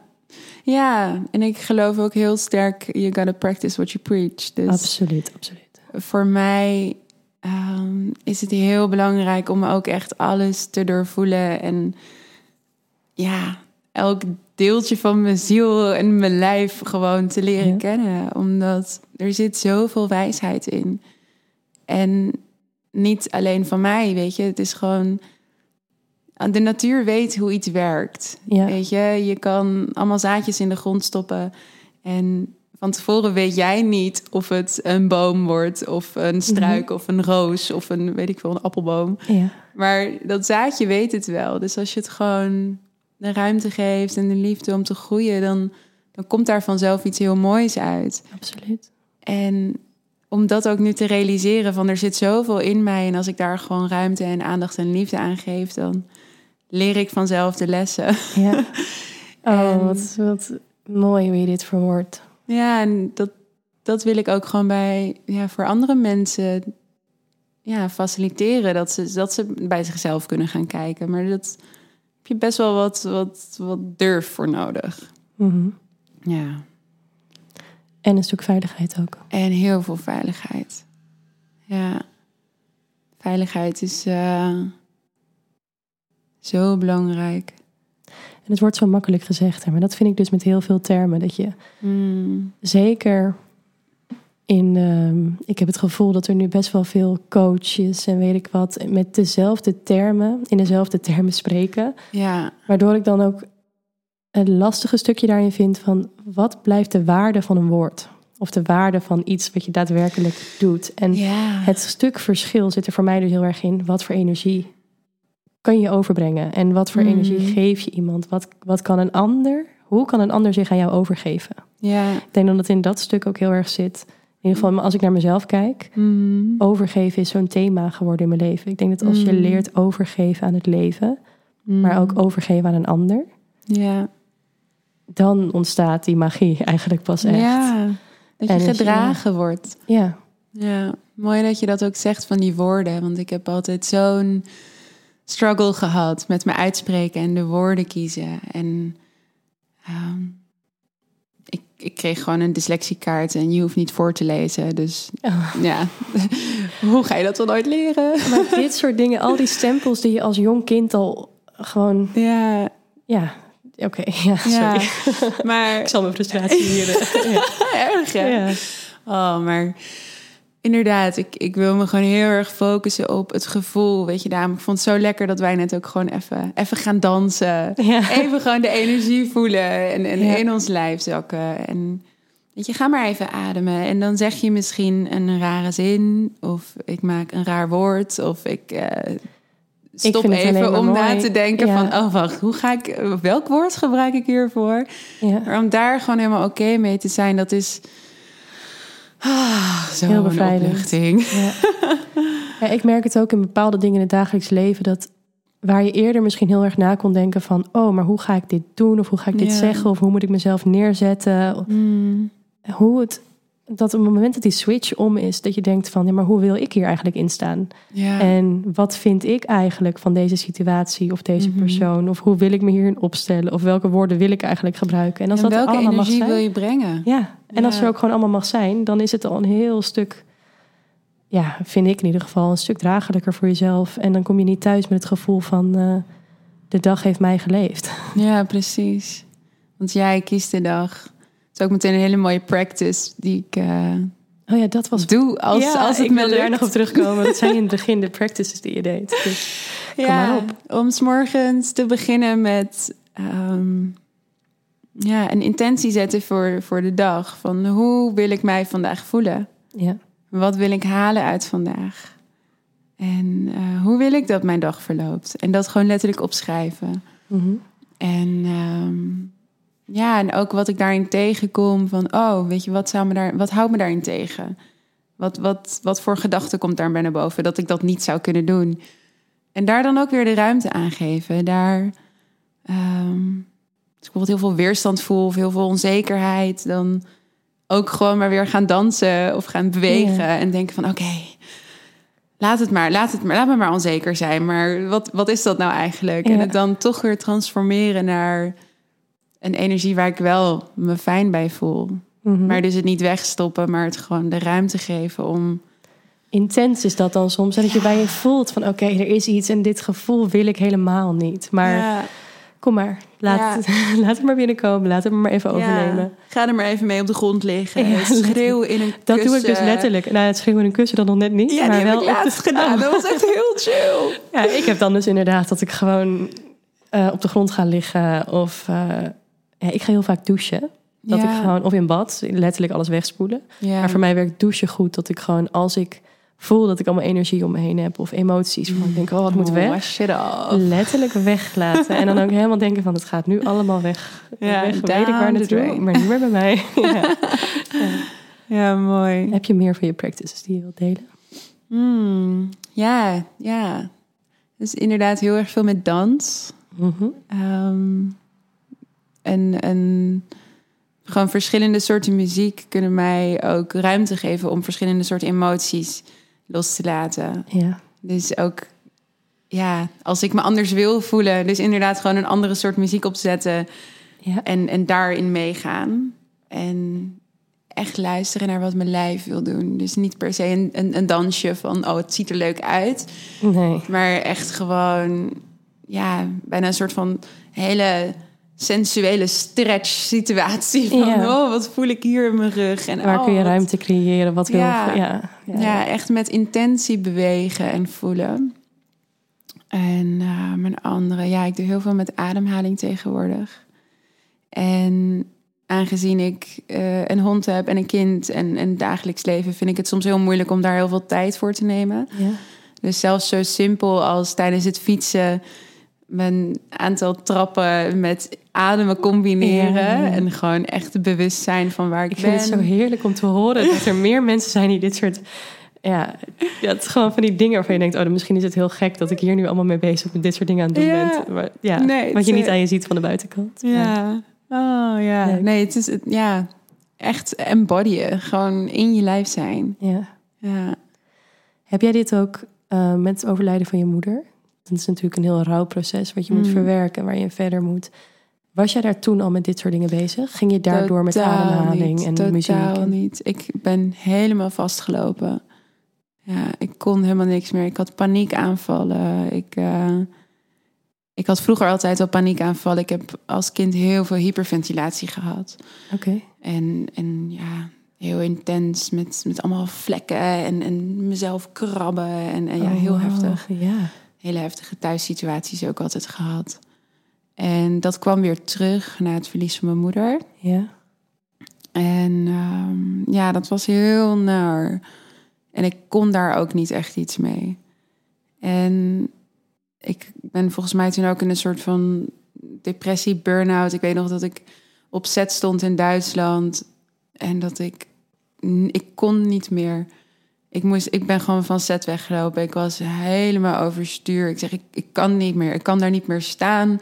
Ik, kan, ik, ik moest nog naar huis rijden. Maar ik, zat, ik heb echt denk ik een uur in mijn auto gezeten van... Oké, nu Oh. is het klaar. Ik heb mijn Ja. boeker gebeld, gezegd... Ik moet even vrij. Ja. En toen ben ik een aantal cursussen gaan doen. Echt zo'n intensieve weektraining waar je ja, dus heel erg door het doen. Dus niet zeg Ja. maar, want ik ging wel weer met een psycholoog praten, maar dat, dat werkte gewoon niet. Ja. Dus echt zeg maar letterlijk oefeningen doen om dan ehm, ja, vooruitgang te zien of resultaat meteen te voelen. Maar hoe wist jij waar je moet zijn? Want dat lijkt me zoiets. Jij loopt vast. En ik vind het dan heel krachtig van je dat je je boeker belt en zegt: Ik moet rust. Ja, En je bent dus inderdaad met een psycholoog gaan praten. Maar Ja. dat is voor heel veel mensen al een hele stap. En dan daarop nog voelen van: Nee, dit is het niet voor mij. Ja. En het volgende weten te vinden. Hoe, hoe ging dat? Ja, dat is ook gewoon het mooie van het leven, denk Ja. ik. Dat je dan toch weer in gesprek komt met iemand die dan een keer een training heeft gedaan ergens en zegt: Oh, ja, ik denk dat dit wel iets voor je kan zijn. Ja, En dan ook gewoon die kans aan durven grijpen. Dat is iets waar ik me nu weer volledig voor heb opengesteld. Van als iets in je leven komt, als of als iemand jou iets aanraadt en je hebt ook maar een, een heel licht gevoel van: hé, hey, dit zou iets kunnen zijn, ga Ja. er dan gewoon voor. Ja. Want dat, dat eerste gevoel van, oh ja, dit zou wel iets kunnen zijn, dat is meestal waar. En dan alle twijfel die daarna komt van, oh ja, maar nee, nee, nee, en duur en moeilijk en daar heb ik geen tijd voor. Of hoe kan ik dat nou doen? En ik heb er helemaal geen. Dat Ja. zijn al die overtuigingen die jou blokkeren om die precies. groei aan te gaan en om naar die diepe stukken te kijken. Dat is die veiligheid die je dan voor jezelf van, oeh, Ja, het stukje het is comfort wat je eng. tegenhoudt. Het is ja. eng om, dat, om, om uit je comfortzone te gaan. Ja. Maar Jij hebt het wel Het- dus meteen gedaan. ja, ja. Ja, ik weet nog dat, dat? een, Ja, een hoe- vriendin zei van... ja, ik heb ooit dit gedaan. Misschien is het wel iets voor jou. Ja. Oké, is goed. Daar gaan we. En het was ook echt iets voor mij. En ik, ik ben dat ook echt gaan... eh, Even voor mijn beeldvorming. Want hoe zag jouw leven er toen uit? Jij was al moeder? Nee, nee, nee, nee. Oh, dat nee. was dat was voordat eh, voordat ik moeder werd. Dus ik... ehm, ja, mijn moeder die was overleden. We hadden toen net ons huis gekocht. En daar ging ook inderdaad heel veel energie en geld en alles naartoe. En toen gingen we trouwen. eh, mijn man en ik. En dat was echt eh, grootste feest ever. Zo mooi. we hadden letterlijk gewoon een, een heel weekend een kasteel. En het was echt oh, wauw. Prachtig. We kregen op woensdag de sleutel en op maandag leefde er weer in. Ehm, maar ja, dat was allemaal super mooi. En we hebben echt zulke mooie. Ja, we hebben zo'n fantastisch leven. Zoveel highs en, en, en mooie dingen. Maar er zat toch een hele diepe low ergens in mij. En die kwam er Mhm. toch wel weer uit. En ik ben daarna dus... Dat, dat ik zei, ik kan niet meer. Ik was letterlijk overspannen van... Ik heb mijn hele bruiloft zelf geproduceerd. Ik ben zelf naar de Sligro gegaan. Ik heb zelf de, de, weet je, de, de glazen gehuurd. Ik heb gewoon alles zelf gedaan. Kan ik niemand aanraden. Op die vrijdag, van, vrijdag voor de trouwerij was ik gewoon letterlijk mijn stem kwijt. Oh, Omdat nee. ik alles en iedereen aan het dirigeren was. En Ik heb dus altijd gezegd, ik zou heel graag willen trouwen. Lijkt me heel mooi. Maar ja, ik hou dat, dat organiseren van dat... Nou, dat nee, moet je ook geen echt iemand voor nee. inhuren. eh, Note to self. ja, ja. ja, maar ik dacht, nee joh, dat, dat doe ik gewoon zelf. En eh, ja, dat, eh, dat lukt me wel. Het lukte ook, het was prachtig. Maar, Maar dit is dus een, een ten belangrijk... koste van... Ja, en dit is denk ik dus een belangrijk stuk. Dat als je bezig bent met dingen die je leuk vindt... of Mm. je, dit is iets wat je geweldig vindt... het is een van de dromen, doelen in je leven... dan ga je er vaak aan voorbij dat ook dat heel veel energie kost... en heel veel van jezelf kan vragen. Ja. Dus waar mensen soms denken van... ja, maar ik heb, ben getrouwd, ik ben gelukkig, ik heb dit georganiseerd... en Ja. ook die dingen kunnen je letterlijk opbranden. Ja, en er, er lag gewoon ook nog heel veel oud zeer onder, waar Ja. ik niet naar kon kijken. Want inderdaad, na het verlies van mijn moeder, ja, ik, ik, ik, ik had toen wel met die, met die trainingen, weet je, ik, ik, ik functioneerde wel weer een beetje. En ik ging wel weer een beetje werken. Maar ik was nog niet helemaal lekker in mijn vel. Nee. Ik was nog niet daar. En toen werd ik zwanger. Ja. En ik, zou, ik had dus nog steeds al die angsten, al die overtuigingen. En ehm, ja, dan is moederschap best wel intens als je zoveel angst hebt. Er is geen kwetsbaardere positie, denk ik, dan Ja. wanneer je een zwangere vrouw bent. Ja. werd even een telefoontje tussendoor. het leven gaat ook door. Leven gaat ook door. Maar Hmm. ja, dan heb je dus toch jij hebt geen keuze. Op het moment dat je zwanger bent, ben je zwanger. Je bent zwanger. En je al helemaal ervoor. als er dan nog zulke heftige dingen tijdens je zwangerschap bij jou komen. Ja, Dan heb je toch wel eventjes een heftige start als moeder. Ja, Niet die, ik bedoel, dat denk ik ook dat het heel belangrijk is dat niet iedereen een roze, een roze wolk verwacht. nee. En dat dat wel zo neergezet wordt vaak. Het moet allemaal maar zo genieten van je zwangerschap en genieten van dit. Het is en het, allemaal zo mooi. Het is, allemaal zo Ja, het is ook het het is- is, prachtig. het- je ja, en- groeit gewoon een, een mensje. Ik kan nu nog steeds af en toe kijken dat ik echt denk, jeetje. Ik vind het ook. Ik, ik Ik kan heb dat gemaakt. buitenaards, ja, dat heb ik ook. Als ik naar ze kijk, denk en ook als ik dan weer naar mijn lichaam kijk, dan denk ik, hoe, Hoe dan? dan? Waar heeft het op gezeten? En dan weer naar ze kijken, ik denk ja, Ja. alles zit erop en eraan. En ze, ja, ja het Ja. is te, ja. Ja, en dat vind ik zo mooi. Dat mijn hele reis met het moeder zijn heeft mij, of tenminste het moeder worden. Weet je, je bent in één keer moeder, maar om echt het moeder zijn te omarmen. Ja, En dus ook echt de kracht van mezelf durven erkennen. Mhm. Want ik ben een krachtige vrouw. Ik heb mijn zoon op de wereld gezet. En ik ga voor hem zorgen. ja, En ook dan dus bewust worden van... ik hoef dat niet alleen te doen. Maar ik ben wel de moeder en ik ben wel de wijze vrouw... die hier het beste voelt, hoe of wat. ja. En ik En ben zo klinkt- dankbaar dat daar die intuïtie weer gewoon... Ja, daarom. Dit klinkt voor mij als zoveel kracht. Als ik dan denk aan wat je net vertelt, dat je zo vol angst zat en paniek. Mm, En ik hoor je deze woorden uitspreken. ja, Ik hoor geen enkele twijfel. nee, nee, die is wel, eh, dat is wel weg. Ja. Tuurlijk twijfel ik en vind ik dingen eng. Ik vond dit ook rete spannend. maar ja, ik leer er nu gewoon doorheen bewegen. En ook van, oké, het is spannend. Ja, waarom vind je het spannend? Ja, Ja. onzeker. Kan ik wel de juiste zinnen maken? Kan ik wel de juiste dingen zeggen? Wordt het niet een of andere rare ratelshow van oh, alles door elkaar Absoluut heen? niet. Nee, nee. En, Maar dat is echt weer een stukje vertrouwen. Vertrouwen dat wat er gehoord moet worden naar buiten zou komen. en daarbij ook de insteek is, het is, het is jouw verhaal. Dus er, Ja, het kan niet fout het kan zijn. niet fout. Nee. Alleen als je dus inderdaad dingen niet eerlijk naar jezelf zou bekijken. Mm. En ja, misschien had je hier heel anders gezeten als dingen niet op je pad waren gekomen. Je had nog in New York gezeten. ehm, ja, En een heel ander leven gaan leven wat jij niet was geweest. ja, en ik maar het, ben je bent eruit getrokken. Nee.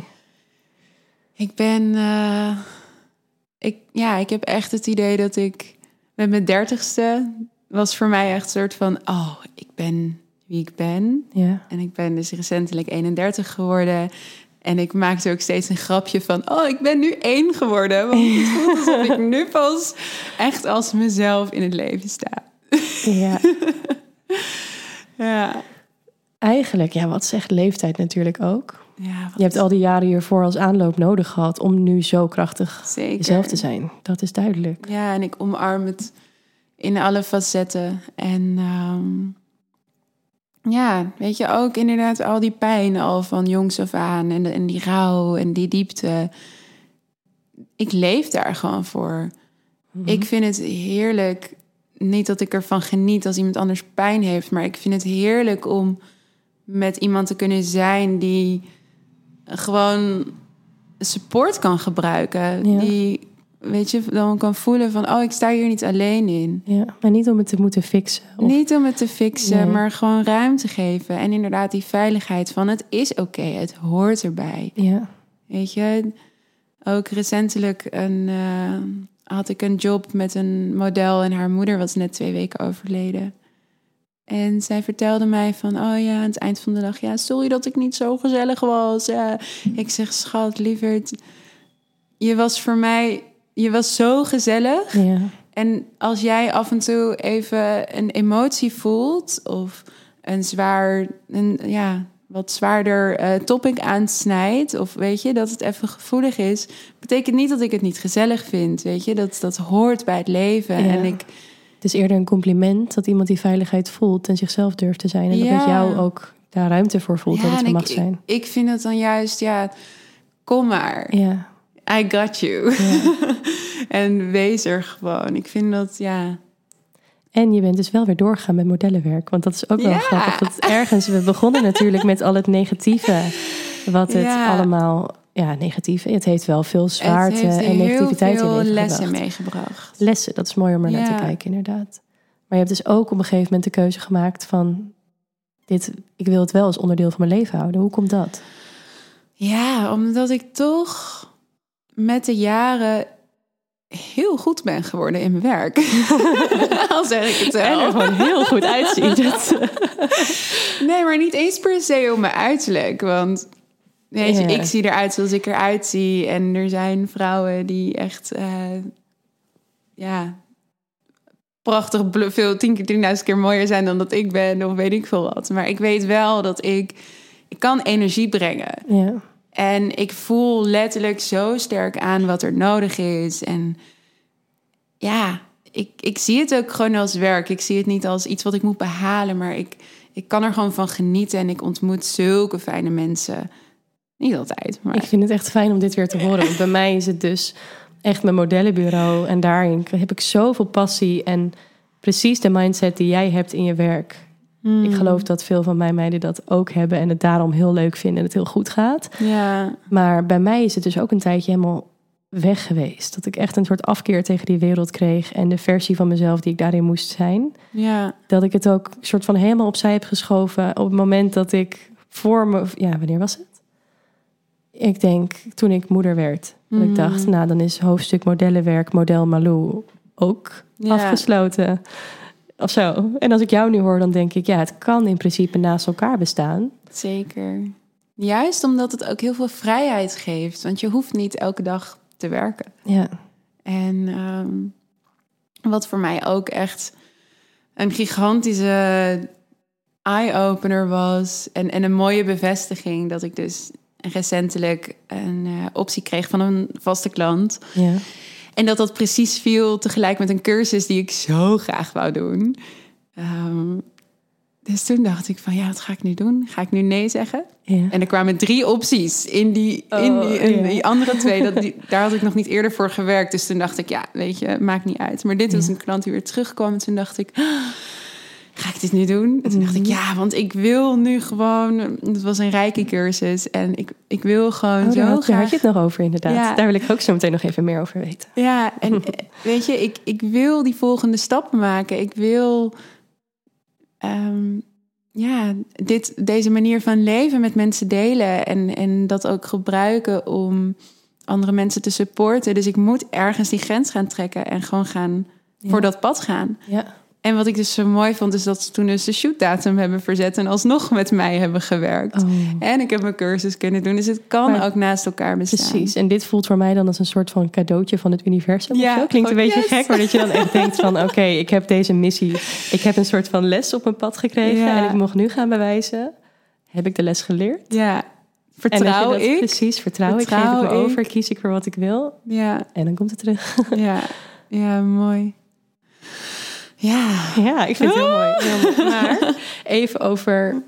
ehm, nou ja, sowieso zijn veel meer dingen die ik nog met je wil bespreken. Ik zit alweer een uur te praten. dit wordt Maar ehm, terugkomdagje. welkom bij de wekelijkse podcast. Eh, even. ja. Oh, ja. ik denk dat het best goed zou gaan. ja, Ehm, genoeg te delen in ieder geval. zeker. Maar Reiki, Hmm. Wat betekent het voor jou? Ja. Echt contact maken met mijn lijf. Ik geef mezelf nu ook dagelijks reiki en echt voelen hoe gaat het hier. En ehm, ja, daar de tijd voor nemen. Meditatie is heel erg vanuit de mind. Ja. En ik zie mijn reiki-behandelingen voor mezelf tenminste echt als een meditatie voor mijn lijf. En, en inchecken bij mezelf en, en voelen van hoe gaat het nu echt met me. Mhm. Niet in alle eh, drukte van het leven, maar gewoon in mijn lijf. Omdat daar zit de wijsheid. En letterlijk tijdens mijn behandeling, zeg maar, mijn zelfbehandeling, krijg ik deed het weer allemaal inzichten en downloads van, oh ja, weet je, net met verschillende posities of, of, of plekken in mijn lijf die me dan weer iets te vertellen hebben. Ja. En dat vind ik zo fijn. Hoe En- gaat het in zijn werk? Als je gewoon helemaal niets weet van Reiki of hoe, wat moet ik me ervoor voorstellen? Ik, ik weet, ik ben er heel erg Iedereen, geïnteresseerd in, iedereen denk kan, niet kan iedereen. reiki geven en iedereen kan reiki ontvangen. Oké, ik denk dat dat al een misverstand is. Dat veel mensen denken dat je een bepaald Ja. Zesde zintuig of iets nodig hebt. Nee. Wil je in die richting kunnen? Dus het is denk ik wel mooi om daar... Nee, het is gewoon hoe ik het zie. Maar ik kom echt naar kijken in deze hele, hele, hele, hele toko. Dus eh, Neem ons maar mee. correct me if I'm wrong. Ja. Maar hoe ik het zie en voel... is dat je soort van een doorgeeflijk wordt... voor de energie die er dus al is. Ja, En ehm, dat voel ik ook heel sterk als ik dus behandelingen geef. Dat ik, ehm, ja, dus, dus geef wat moet komen Ja. en neem en, en teruggeef wat mag gaan. En daarin bescherm ik mijn eigen en heel ik ook mijn eigen zijn. Ehm, en kan ik dus andere mensen ook helpen met inzichten, ontspanning en, en blokkades waar ze mee zitten. Maar zoals ik al zei, kom naar kijken. Dus dat, eh, dat wordt mooi. nog een hele mooie reis. En het is iets wat je dus ook in je coaching mee wilt gaan nemen? Of is Ja. het iets wat je er los van wil houden? Ik ben dat nog een beetje aan het onderzoeken. Ik merk heel erg met coaching dat ik echt de energetische kant op wil. Ja, Ehm, dingen als voice dialogue. ehm, dat is ook een methode om met verschillende delen van je ego's in gesprek te gaan. En dat is zo magisch en zo fijn. En Heb je daar een voorbeeld van? Kun je een soort van moment pakken waarin je dacht van ik ga dit nu toepassen en hoe ziet dat er dan uit? Ja, ik heb een keer een, eh, een cliënt gehad en zij had moeite om, om met haar sensuele zelf in contact te komen. Dus toen gingen wij deze oefening doen, deze methode gebruiken. En in mijn coachingskamertje nu hangt zeg maar een heel groot gordijn en daarachter is nog allemaal troepjes. Ik Ja. moet nog even wat. eh, dit was een, een, een COVID-optie eh, om even nog door te kunnen thuis. En wij gingen deze oefening doen en zij ging letterlijk eh, achter het gordijn staan toen zij met haar sensuele zelf contact maakte. En dat was zo'n duidelijke van waar, waar verstop je haar? ja, Hoe, hoezo maak je geen contact met haar? Hoezo kan jij niet verbinden met je sensuele zelf? Ja, je zet haar letterlijk achter het gordijn. ja, Dus hoe, hoe ga je dat doen? En je kan daar zulke mooie inzichten mee hebben. En dat is ook een beetje overgave en meegaan in dat proces. Hetzelfde als met, met opstellingen, familieopstellingen. Je krijgt daar gewoon inzichten door die, die ik niemand zou kunnen geven, maar ik kan wel ehm, ja, iemand guiden om, om dat te gaan voelen en om, om daar in die energieën te gaan staan. En dat is echt waar ik, eh, ja, waar ik helemaal aan van ga. Dus eigenlijk is het zo, als ik het goed omschrijf, je wil zelf zoveel mogelijk leren aan verschillende technieken, zodat wanneer iemand bij jou is, Ja. in het moment kan kijken wat sluit aan, wat is nodig en daarin mee kan gaan. Ja, ja, want ik geloof niet dat voor iedereen altijd hetzelfde werkt. En iedereen heeft een eigen verhaal en een eigen manier van processen en Ja. voelen. En ja, ik, ik kan zelf heel sterk altijd invoelen hoe of wat er gebeurt of nodig is. En ja, daardoor wil ik ook gewoon een zo breed mogelijk assortiment aan eh, tools van Ja. oké, wat gaan we doen? Maar aan de andere kant is het ook gewoon echt vertrouwen dat ja, wat gehoord wil worden, dat gaat uiteindelijk toch wel naar buiten komen. Zolang Ja. de omgeving maar veilig genoeg is. Mooi waar je allemaal mee bezig bent. Ja, Echt heel mooi. En nog moederschap ernaast. Ja, Hoe combineer je dat? Ja, de opvang. Gelukkig zijn mijn man en ik wel echt een heel goed team. En eh, ja, kan hij de kleine heel goed opvangen en ik ook. Ik heb mijn mamadag. En eh, En de vrijheid van geen borstvoeding meer. de vrijheid van geen borstvoeding meer. Oh, Dat ik weet nog dat hij laatst moment. zat hij echt zo bij me. En toen deed hij even zo met zijn hoofd. En toen dacht ik, oh... Maar hij ging zich gewoon omdraaien. Ja. En toen dacht ik echt, oh ja, het is echt klaar. maar het is goed. Ja, het is heel goed. Vond je het moeilijk om te stoppen? Nee, het ging zo, zo organisch. Hij was op een gegeven moment gewoon ja, minder geïnteresseerd. En, en ik had steeds minder het gevoel van, oh, het is nodig. Ja. En hij heeft daarna nog één keer dat hij wou drinken. Maar dat was echt fantastisch. Want ik had echt één borst die op ontploffen stond. Met nog wat. eh. En toen zei ik gewoon letterlijk, oké. En nu is het op. Toen zei hij, oké, op. En daarna nooit meer. Mooie afsluiting ook Ja, eigenlijk het was wel voor allebei. Gewoon Ja. goed klaar. Ja, ja. En ik vind het soms echt wel lastig hoor. Omdat ik wil heel veel doen. En ik, ik doe ook echt heel veel. En soms voel ik me schuldig. Van, oh, Ja. dan zie ik mijn zoontje. Want nu, eh, ik heb vanavond dan nog een, een training die ik doe. En morgen vlieg ik naar Portugal. En ben ik zaterdag pas terug. Oh, ja. Dus dan een aantal dagen. Maar dan zie ik hem gewoon ja, best wel lang niet voor mijn gevoel. Ja. En dan voel ik wel heel sterk van... Oh, shit, ik moet mama zijn en Ja. ik ben er niet. Maar aan de andere kant denk ik... Ja, ik ben er zoveel geweest. En Ik herken dit gevoel heel erg. Ja. Het is gewoon, dat is denk ik dat moedergevoel. Wat zo.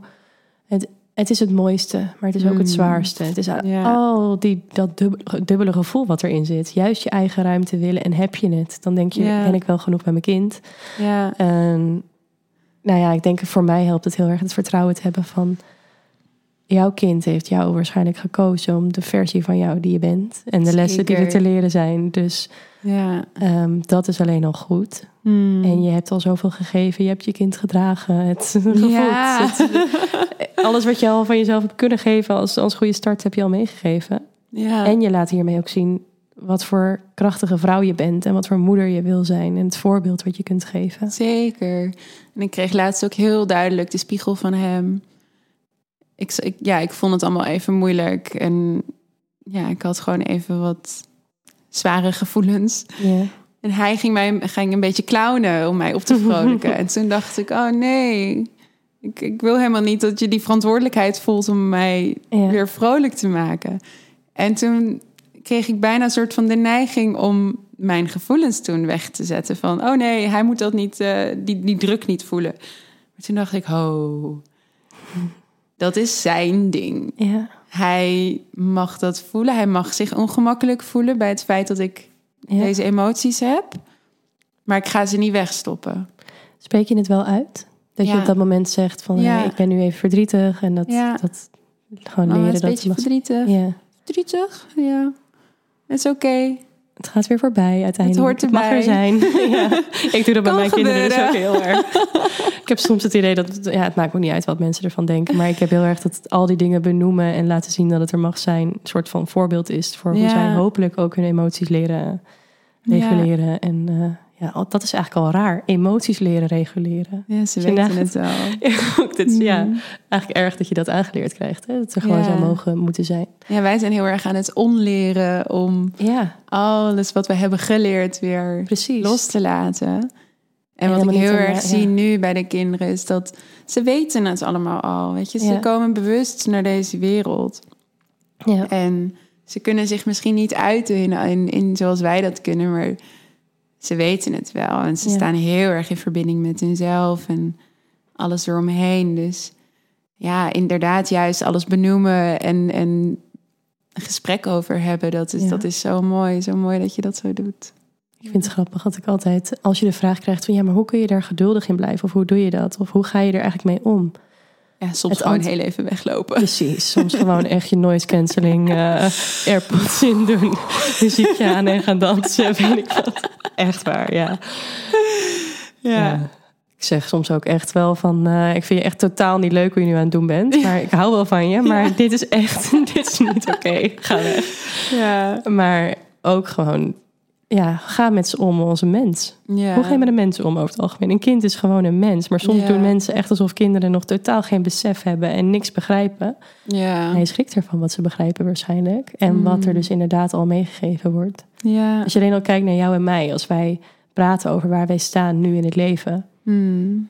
Ehm, ik denk dat zoveel daarvan gevormd is. Van dus inderdaad al die dingen die je meemaakt als je jong bent. Wat het met je doet, wat je doorbreekt. En Ja, niet eens Ja. als je jong bent, hè? zelfs als je nog in de buik zit. zeker en daarvoor. En de voor Ja. en de bevalling. Ja. Ja, dat zijn denk ik ook wel. Ik hoop dus dat deze tijd ook bewust worden. Ja, dat zeggen ze natuurlijk ook. De tijd van bewustwording en eh, Mm. bewustzijn, hoger bewustzijn. Dat dat ja, ik denk dat wordt. Maar- daarom ook nu zoveel coaches en healers opstaan. Omdat Ja. het gewoon, het verhaal het moet is aan het worden. veranderen. Ja, En niet iedereen doet dat op zichzelf, weet je. Niet iedereen hoeft dat wiel opnieuw uit te vinden. Je kan andere mensen gewoon daarin meenemen en Ja. supporten. Het voelt heel fijn om, om daar deel van uit te zijn. En inderdaad, het, soms denk ik ook van... oh ja, maar er zijn al zoveel mensen die dit doen. Zoveel mensen die, die nu coach worden en eh, voor vrouwen bezig zijn. En weet je, waarom, niet zoals jij. Ja. Waarom zou ik het dan ook moeten doen? Ja, maar ik doe het vanuit mijn perspectief en vanuit mij, vanuit mijn zijn. Ja, en ik denk ook dat als je ergens zo sterk voelt dat je een soort van geroepen wordt. Of Ja, ja you just gotta do it. Ja. en als het je interesseert, dan Ja, doe het alleen al voor jezelf, inderdaad. Mhm. ja. En ik vind het mooi dat je je steeds meer uitspreekt. Ja. Dus ook je verhaal dit deelt. is wel echt even een big step. Ja, maar dit maakt wel dat anderen, in ieder geval, dat hoop ik een beetje dat dat het effect heeft. Door, ik ben ook heel erg op mijn privé dingen geweest, heel lang niks delen en Mm. mezelf heel klein houden en klein maken. En bij mij was het dus ook, ja, een podcast beginnen is, dan ga je delen, dan ga je praten. Ja, Maar ook juist met het idee van, je hebt zoveel boeken nu, je hebt zoveel informatie wat beschikbaar is. Maar jij bent dus iemand die dacht, ik loop vast. Ik ga mijn boeker zeggen, ik stop. Of ik, ik kan, moet even Mm. pauze hebben. Ik ga naar een psycholoog en ik ga cursussen doen. Je gaat aan de bak en je haalt er de dingen uit die voor jou werken. ja. Maar jij bent dan ook een sterke vrouw die dat bij zichzelf voelt en aanpakt Ja. en ervoor gaat. En iedereen is sterk in principe. Maar, niet iedereen is zo die, Nee, dat precies. ze dan dat durven te doen. Ja, en die stap maar zetten. Dus dan denk ik, hoe waardevol is het al als je gewoon naar jouw verhaal mag luisteren. Mm. En daar dan al uit kan pikken van, als jij het niet zou delen, als jij dit hele verhaal van jou niet zou delen, zou Ja. niemand het weten. En niemand die misschien ook op een van die punten staat, waar dan ook. Die denkt, hé, hey, dit is voor mij. Of zo. Ja. Ja. dat vind ik heel mooi hierin. En ik denk ook dat, dat, ja, dat je daarin al heel veel dingen biedt. En ook Mm. nog eens één op één. Want coaching doe je vaak één op één. Ja, voor nu wel. Ik Ja. ga nog even kijken. Ik zit wel heel erg te denken om iets met vrouwencirkels ook te gaan doen. Dat, Ja. dat komt heel erg naar boven. Wil je daar meer over vertellen? Want het, het boeit mij heel erg, maar ik zit er niet in. Ja, ik ehm, heb zelf gewoon heel sterk ervaren hoe krachtig het is om met andere vrouwen samen te zijn. Ja, En dan niet per se gewoon alleen vriendinnen, maar echt gewoon vrouwen, andere moeders. Ik zit met andere moeders in, in cirkels soms. En dat is zo mooi, want iedereen heeft zijn eigen verhaal. Maar als je dan zo deelt met elkaar, dat er toch weer zoveel gelijkenissen in zijn. En ja, dat je gewoon je, je gesteund voelt door, door je omgeving. ja. En dat, dat Ga je letterlijk in een cirkel zitten? Ja. Ja, het is En- heel mooi. Ja, ik, ik heb er dus gewoon... Ik, ik heb een bepaald beeld bij, maar Ja. Dat is misschien heel erg geromantiseerd of zo. Maar daarom denk ik, ja, hoe ontstaat Ja. zoiets? Ga je met z'n allen zitten en heb je een onderwerp of deelt iemand Nee, dat verschilt en- heel erg per keer. Ik zit nu zelf heel erg te denken om... Ik wil heel graag iets met vuur doen. Echt zo'n vuurschaal. En Oh ja, ik voel heel sterk ik sluit dat, graag aan. dat, dat daar iets moet gaan gebeuren. En Ja. letterlijk met de voeten in de aarde. En gewoon Ja, echt even wat los gaan laten. En eh, verbinden met like- like-minded women. Want we zijn met zoveel. En er zijn er zoveel die niet per se durven om zich uit te spreken of die stappen te zetten. Maar iedereen verlangt ernaar. Iedereen verlangt naar Ja. die verbinding. Weet je, wat je net ook vertelde van... ja, het is heerlijk om in je eentje te dansen... maar als je met andere mensen bent... Dat, ja. het verandert het zo erg. En je neemt, ja, je neemt elkaars energie ook mee. En ja. het is zo mooi als je dan en ergens doorheen gaat en je voelt je gedragen. En het is ook zo mooi als, als je ergens helemaal aan op gaat, dat je dan voelt dat de hele energie Ja, mee omhoog ja, gaat. En dat je gewoon een soort van bruist omhoog van ja, als een vulkaan die uitbarst. Zo prachtig. Ja. Ja, en wat je net ook al zei, eh, wat je vertelde van de volle maan en de nieuwe maan, dat je daar, Ja, ja. eh, daar omheen. Ik weet niet eens of we dat, hebben we dat hier nou. Hebben we dat in? Nee, was volgens mij het Oh, voorgesprek. dat was het. We hebben een voorgesprekje Hebben we ja, het is ook een van de tools. Ja. Leven volgens de cycli. Ja. Ja, ik ik heb nu twee weken aangestaan. Echt eh, volle bak alles gedaan. En ik weet dat ik de komende twee weken even Precies heel rustig aan ga Ja, ja. doen. en dan weer, eh, ja, dat geeft zoveel vrijheid. Ja, ja, ik vind dit soort dingen. Voor mij werkt het heel erg. En het is ook. Ik denk dat het alleen maar werkt als je er echt in gelooft. Het Ja, het zo, ik ben bijvoorbeeld ook bezig met, eh, jij volgens mij ook wel, maar manifesteren. Wat het in je Mm. leven kan doen. En eh, weet ik, eigenlijk allemaal Ja. dat soort dingen. Ik vind dat dus heel mooi om dat voor mezelf uit te zoeken. ja. En meteen te, je voelt wel wanneer de mensen om je heen erin geïnteresseerd zijn. En je het over kan hebben en de ruimte voor is. Maar het is voor mij ook totaal niet dat ik mensen die daar helemaal niks van hoeven te weten. Hm, Ja, die horen mij daar ook eigenlijk niet over. nee. Dan denk ik, het is iets van mij en ik heb een ritueeltje misschien wel ergens in en het brengt Ja, ja, mij wat en ik geloof erin.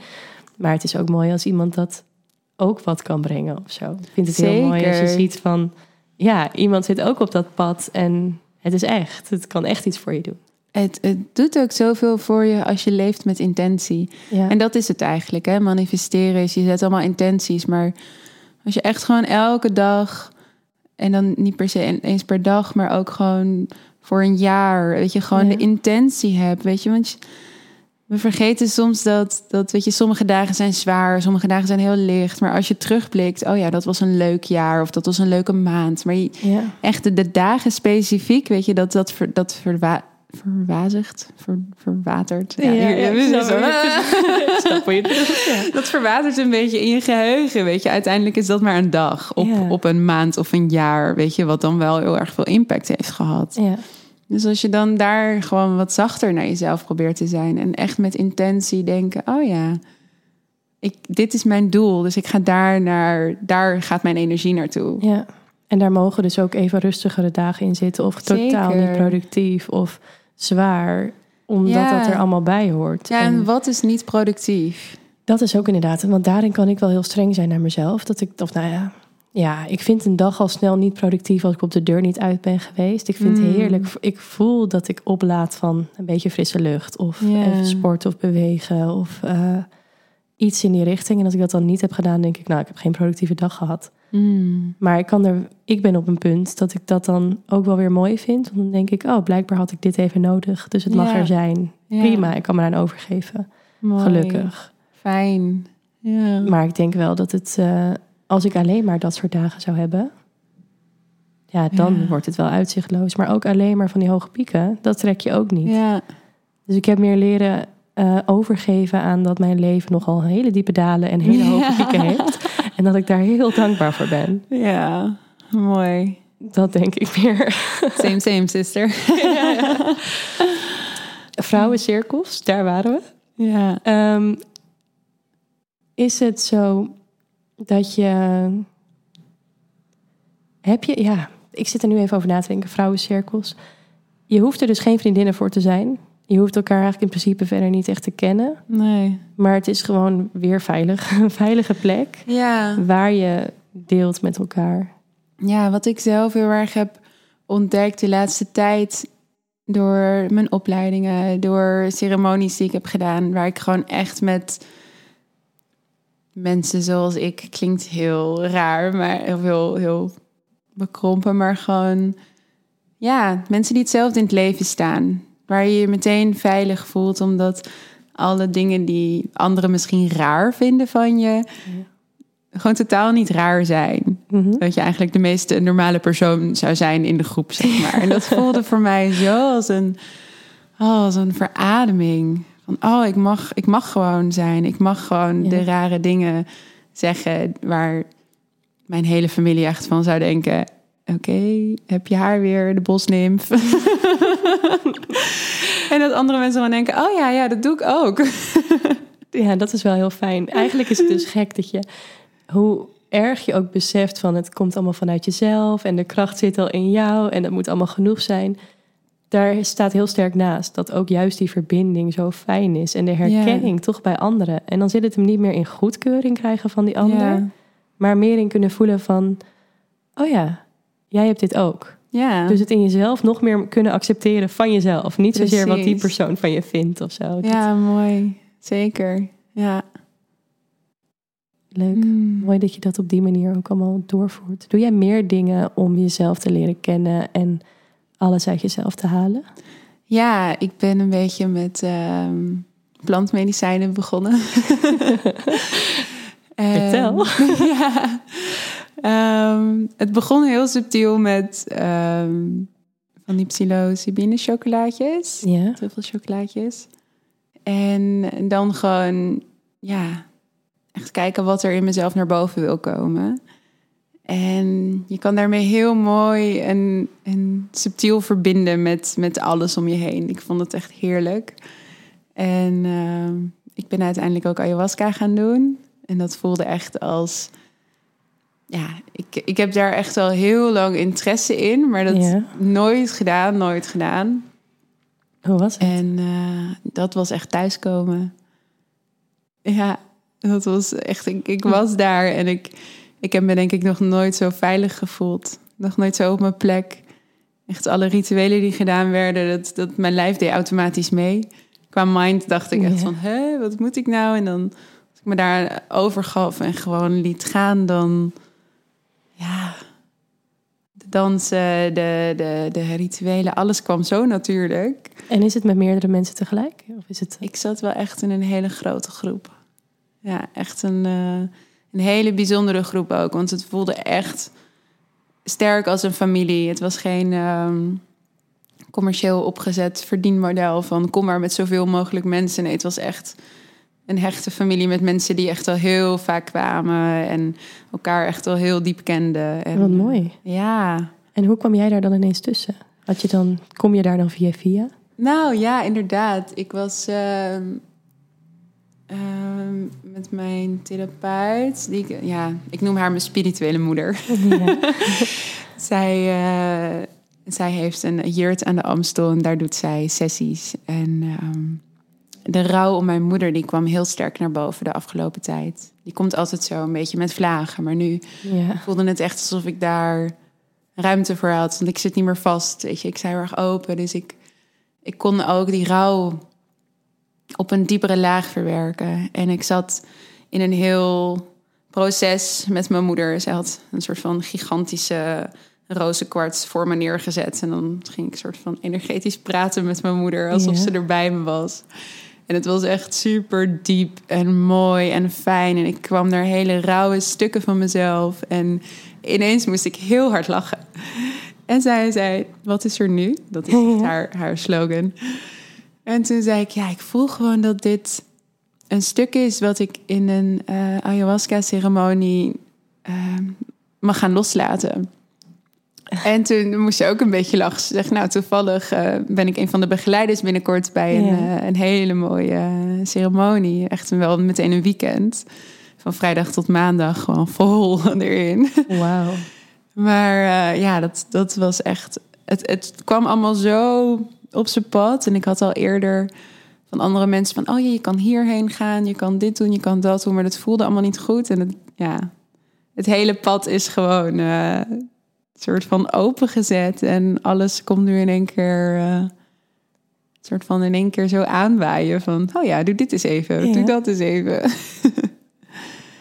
wat zijn de, of ja, het kan natuurlijk ook iets te privé zijn, maar wat zijn de grootste inzichten? Of, of krijg je er echt een inzicht? Of is het meer een soort van, je zit heel erg ja, wat, wat, ja, een heel wazige vraag dit. wat ik eigenlijk wil weten is meer, je gaat naar zo'n ceremonie toe. Ja. Ga je daar dan ook al heen met een intentie? Nou, dat is eigenlijk vraag één. Ga je er op een manier heen van ik wil hier dus iets mee? Nou, ja, ja, je moeder dan, duidelijk. Die, dat, dat stukje misschien. En is het dan ook zo dat je daarin gericht dat het dan ook effect heeft? Of komt er van alles op je af en ga je naar huis met een hele ja, berg aan inzichten of zo? Of, ja. Ik denk dat het zo persoonlijk is voor iedereen. Ehm, ik kan vertellen over mijn verhaal daarin is dat ik heel erg met eh, vertrouwen bezig ben geweest. Ehm, ja, vorig jaar was heel erg mijn angsten loslaten. Ja. En uh, dit jaar ben ik echt bezig met vertrouwen, vertrouwen en zakken. En ik ging er dus ook in met, ik wil weer vertrouwen in mezelf en, en in alles om me heen. En um, wat ik er ook heel sterk uit heb gehaald, is dat ik dus zelf mijn innerlijke vuur heb. Ik heb niet iemand anders nodig die dat voor mij aanzet. Het zit in mij, de kracht zit in mij. En het was voor mij een hele fysieke ervaring. Echt letterlijk mijn voeten helemaal masseren, mijn handen en heel veel dansen. Echt alleen maar dansen.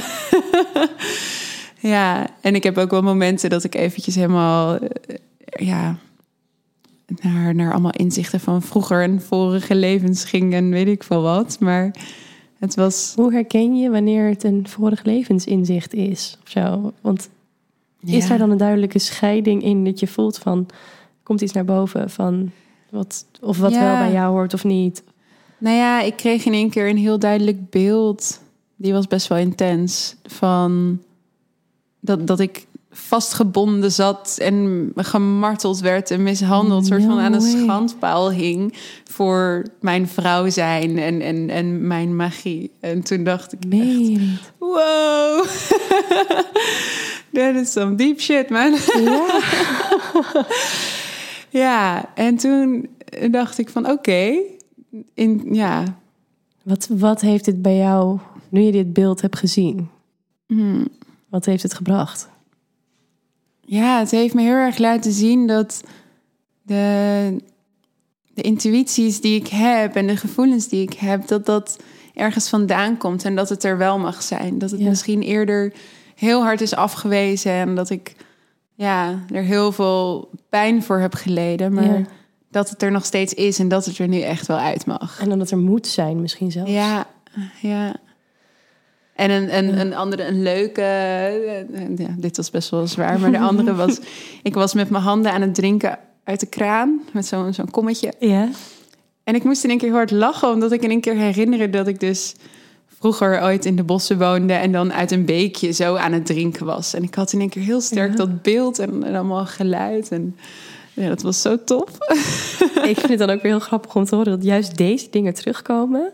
En als we het nu begin van het gesprek een beetje begonnen bij hoe was jij dan als kind? En ja, uh, ja je terugtrekken en het bos en weet ik wat allemaal. En dan nu echt ja, je vrouwelijke vuur en mm. daarvoor staat en dat aan meer vrouwen wil geven. En ja, dan denk ik, hoe, hoe mooi is het? Dan kun je toch bijna niet ontkennen dat er iets van vorige levens moet zijn. En dat dat iets is wat gewoon meegenomen wordt in de lessen en ervaringen en alles wat je weer moet bieden in dit leven. Zeker.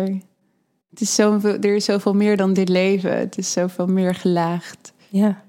ja. En dat bevestigt dat dan alleen maar. Niet dat ik nou wil promoten dat iedereen dit moet gaan doen om daarachter nee, te komen. En ik denk dat dat ook. Er zijn heel veel andere manieren ook om met die delen van jezelf in contact te komen. Ja. En ik denk ook dat je daarin heel sterk moet voelen wanneer dat jouw tijd is. Als je dat zou willen doen al, dat je dat niet nu gaat doen, omdat het nu ik vind het namelijk soms een beetje een hype. Ja, ik heb het, kan heel, erg een hype zijn, maar je voelt het wel echt heel sterk in jezelf als je ja. dit wil doen. En als je dat wil doen en je twijfelt over de, de organisatie waar je naartoe gaat, of de, de shamaan of weet ik veel wie, dan ja, moet je bij twijfel gewoon niet doen. Nee. Want dan kun je er ook niet helemaal aan overgeven. En zal het effect waarschijnlijk toch al niet zijn wat je zoekt. Ja, ik heb op, op die vrijdagochtend voelde ik in één keer heel veel spanning en was ik helemaal maar daarvoor heb ik het, het kwam gewoon alles leiden naar, naar dat ik dat moest gaan doen. Ja. Er was geen enkel moment van oh nee, misschien toch niet. Nee, het was zo duidelijk. Ja. En uh, ja, inderdaad, als je zoiets wil gaan doen met intentie, zeker. Um, zij legde het heel mooi uit. Als je gaat op een schip, je gaat op een reis naar de open zee en je kan met een intentie ergens naartoe varen. Of je kan soort van verdwaald raken in, in, de, in, de, in de zee en geen idee hebben meer hoe of wat. Ja. Maar ja, dat is natuurlijk voor iedereen anders. ja, sommigen zoeken misschien ook juist dat willen verdwalen in die zee. Precies. En kijken wat, wat wil gehoord worden. Wat, wat Precies, Ja. dus dat is heel persoonlijk. Ja. Wel mooi dat je het wilt delen, want ik, ik vind het heel interessant. En ik denk wel dat dit ook een stukje is waarvan nu heel veel mensen denken... ja, wat is dat dan eigenlijk? En hoe gaat dan? dat? Wat doe je daar dan? Ben je dan inderdaad alleen maar aan het eh, kotsen in een hoekje... omdat je zo ziek wordt? Van, weet je, want dat is het beeld wat je ook heel erg krijgt. Nou ja, van, dat alles moet ik wel los. even bij ge- zeggen. Want ik heb me gewoon echt wel weken erop voorbereid qua dieet. En, en gewoon jezelf letterlijk alvast schoonmaken. Ja. En ik ben natuurlijk zoveel bezig met eh, allemaal heling en, en processen, weet je. Dus ik had al heel veel werk gedaan. Ik ging er Ja. niet soort van blanco in. Ik was al heel veel van mezelf tegengekomen met familieopstellingen, met systemisch werk nog op andere vlakken, weet je. Ik, ik, ik zit er al zoveel veel in mijn hele proces en alles wat erbij komt kijken, dat het voor mij, ja, gewoon even zo'n sleutel was voor, voor nog een deur die open kon gaan. Ja. Maar ja, als je er dus, als je dit zeg maar als eerste stap doet, Dan is het nogal wat. dan ja. En ook als je dan dus inderdaad niet per se de voorbereidingen treft met eten. Ja, ik denk dat het dan ook wel best wel messy kan gaan worden. ja. Ja. Nou, jij hebt er gelukkig een hele mooie ervaring mee. Ja, nou ja, wie weet dat eh, de volgende keer niet zo is. Who knows? Het is je gegund dat het wel zo is. Ja. Ja. Ehm, ik zit even te denken. We zitten natuurlijk al een hele tijd te praten. ja. Is er iets waarvan je denkt, dit wil ik graag nog delen? Hmm. Ja, dat de kracht altijd echt wel in jezelf zit. En dat ehm, voor mij de reis is geweest om die kracht in mezelf weer echt volledig te omarmen. En ehm, ja, dat liefde toch echt wel het antwoord is op heel veel, als het niet alles. Amen. Ja.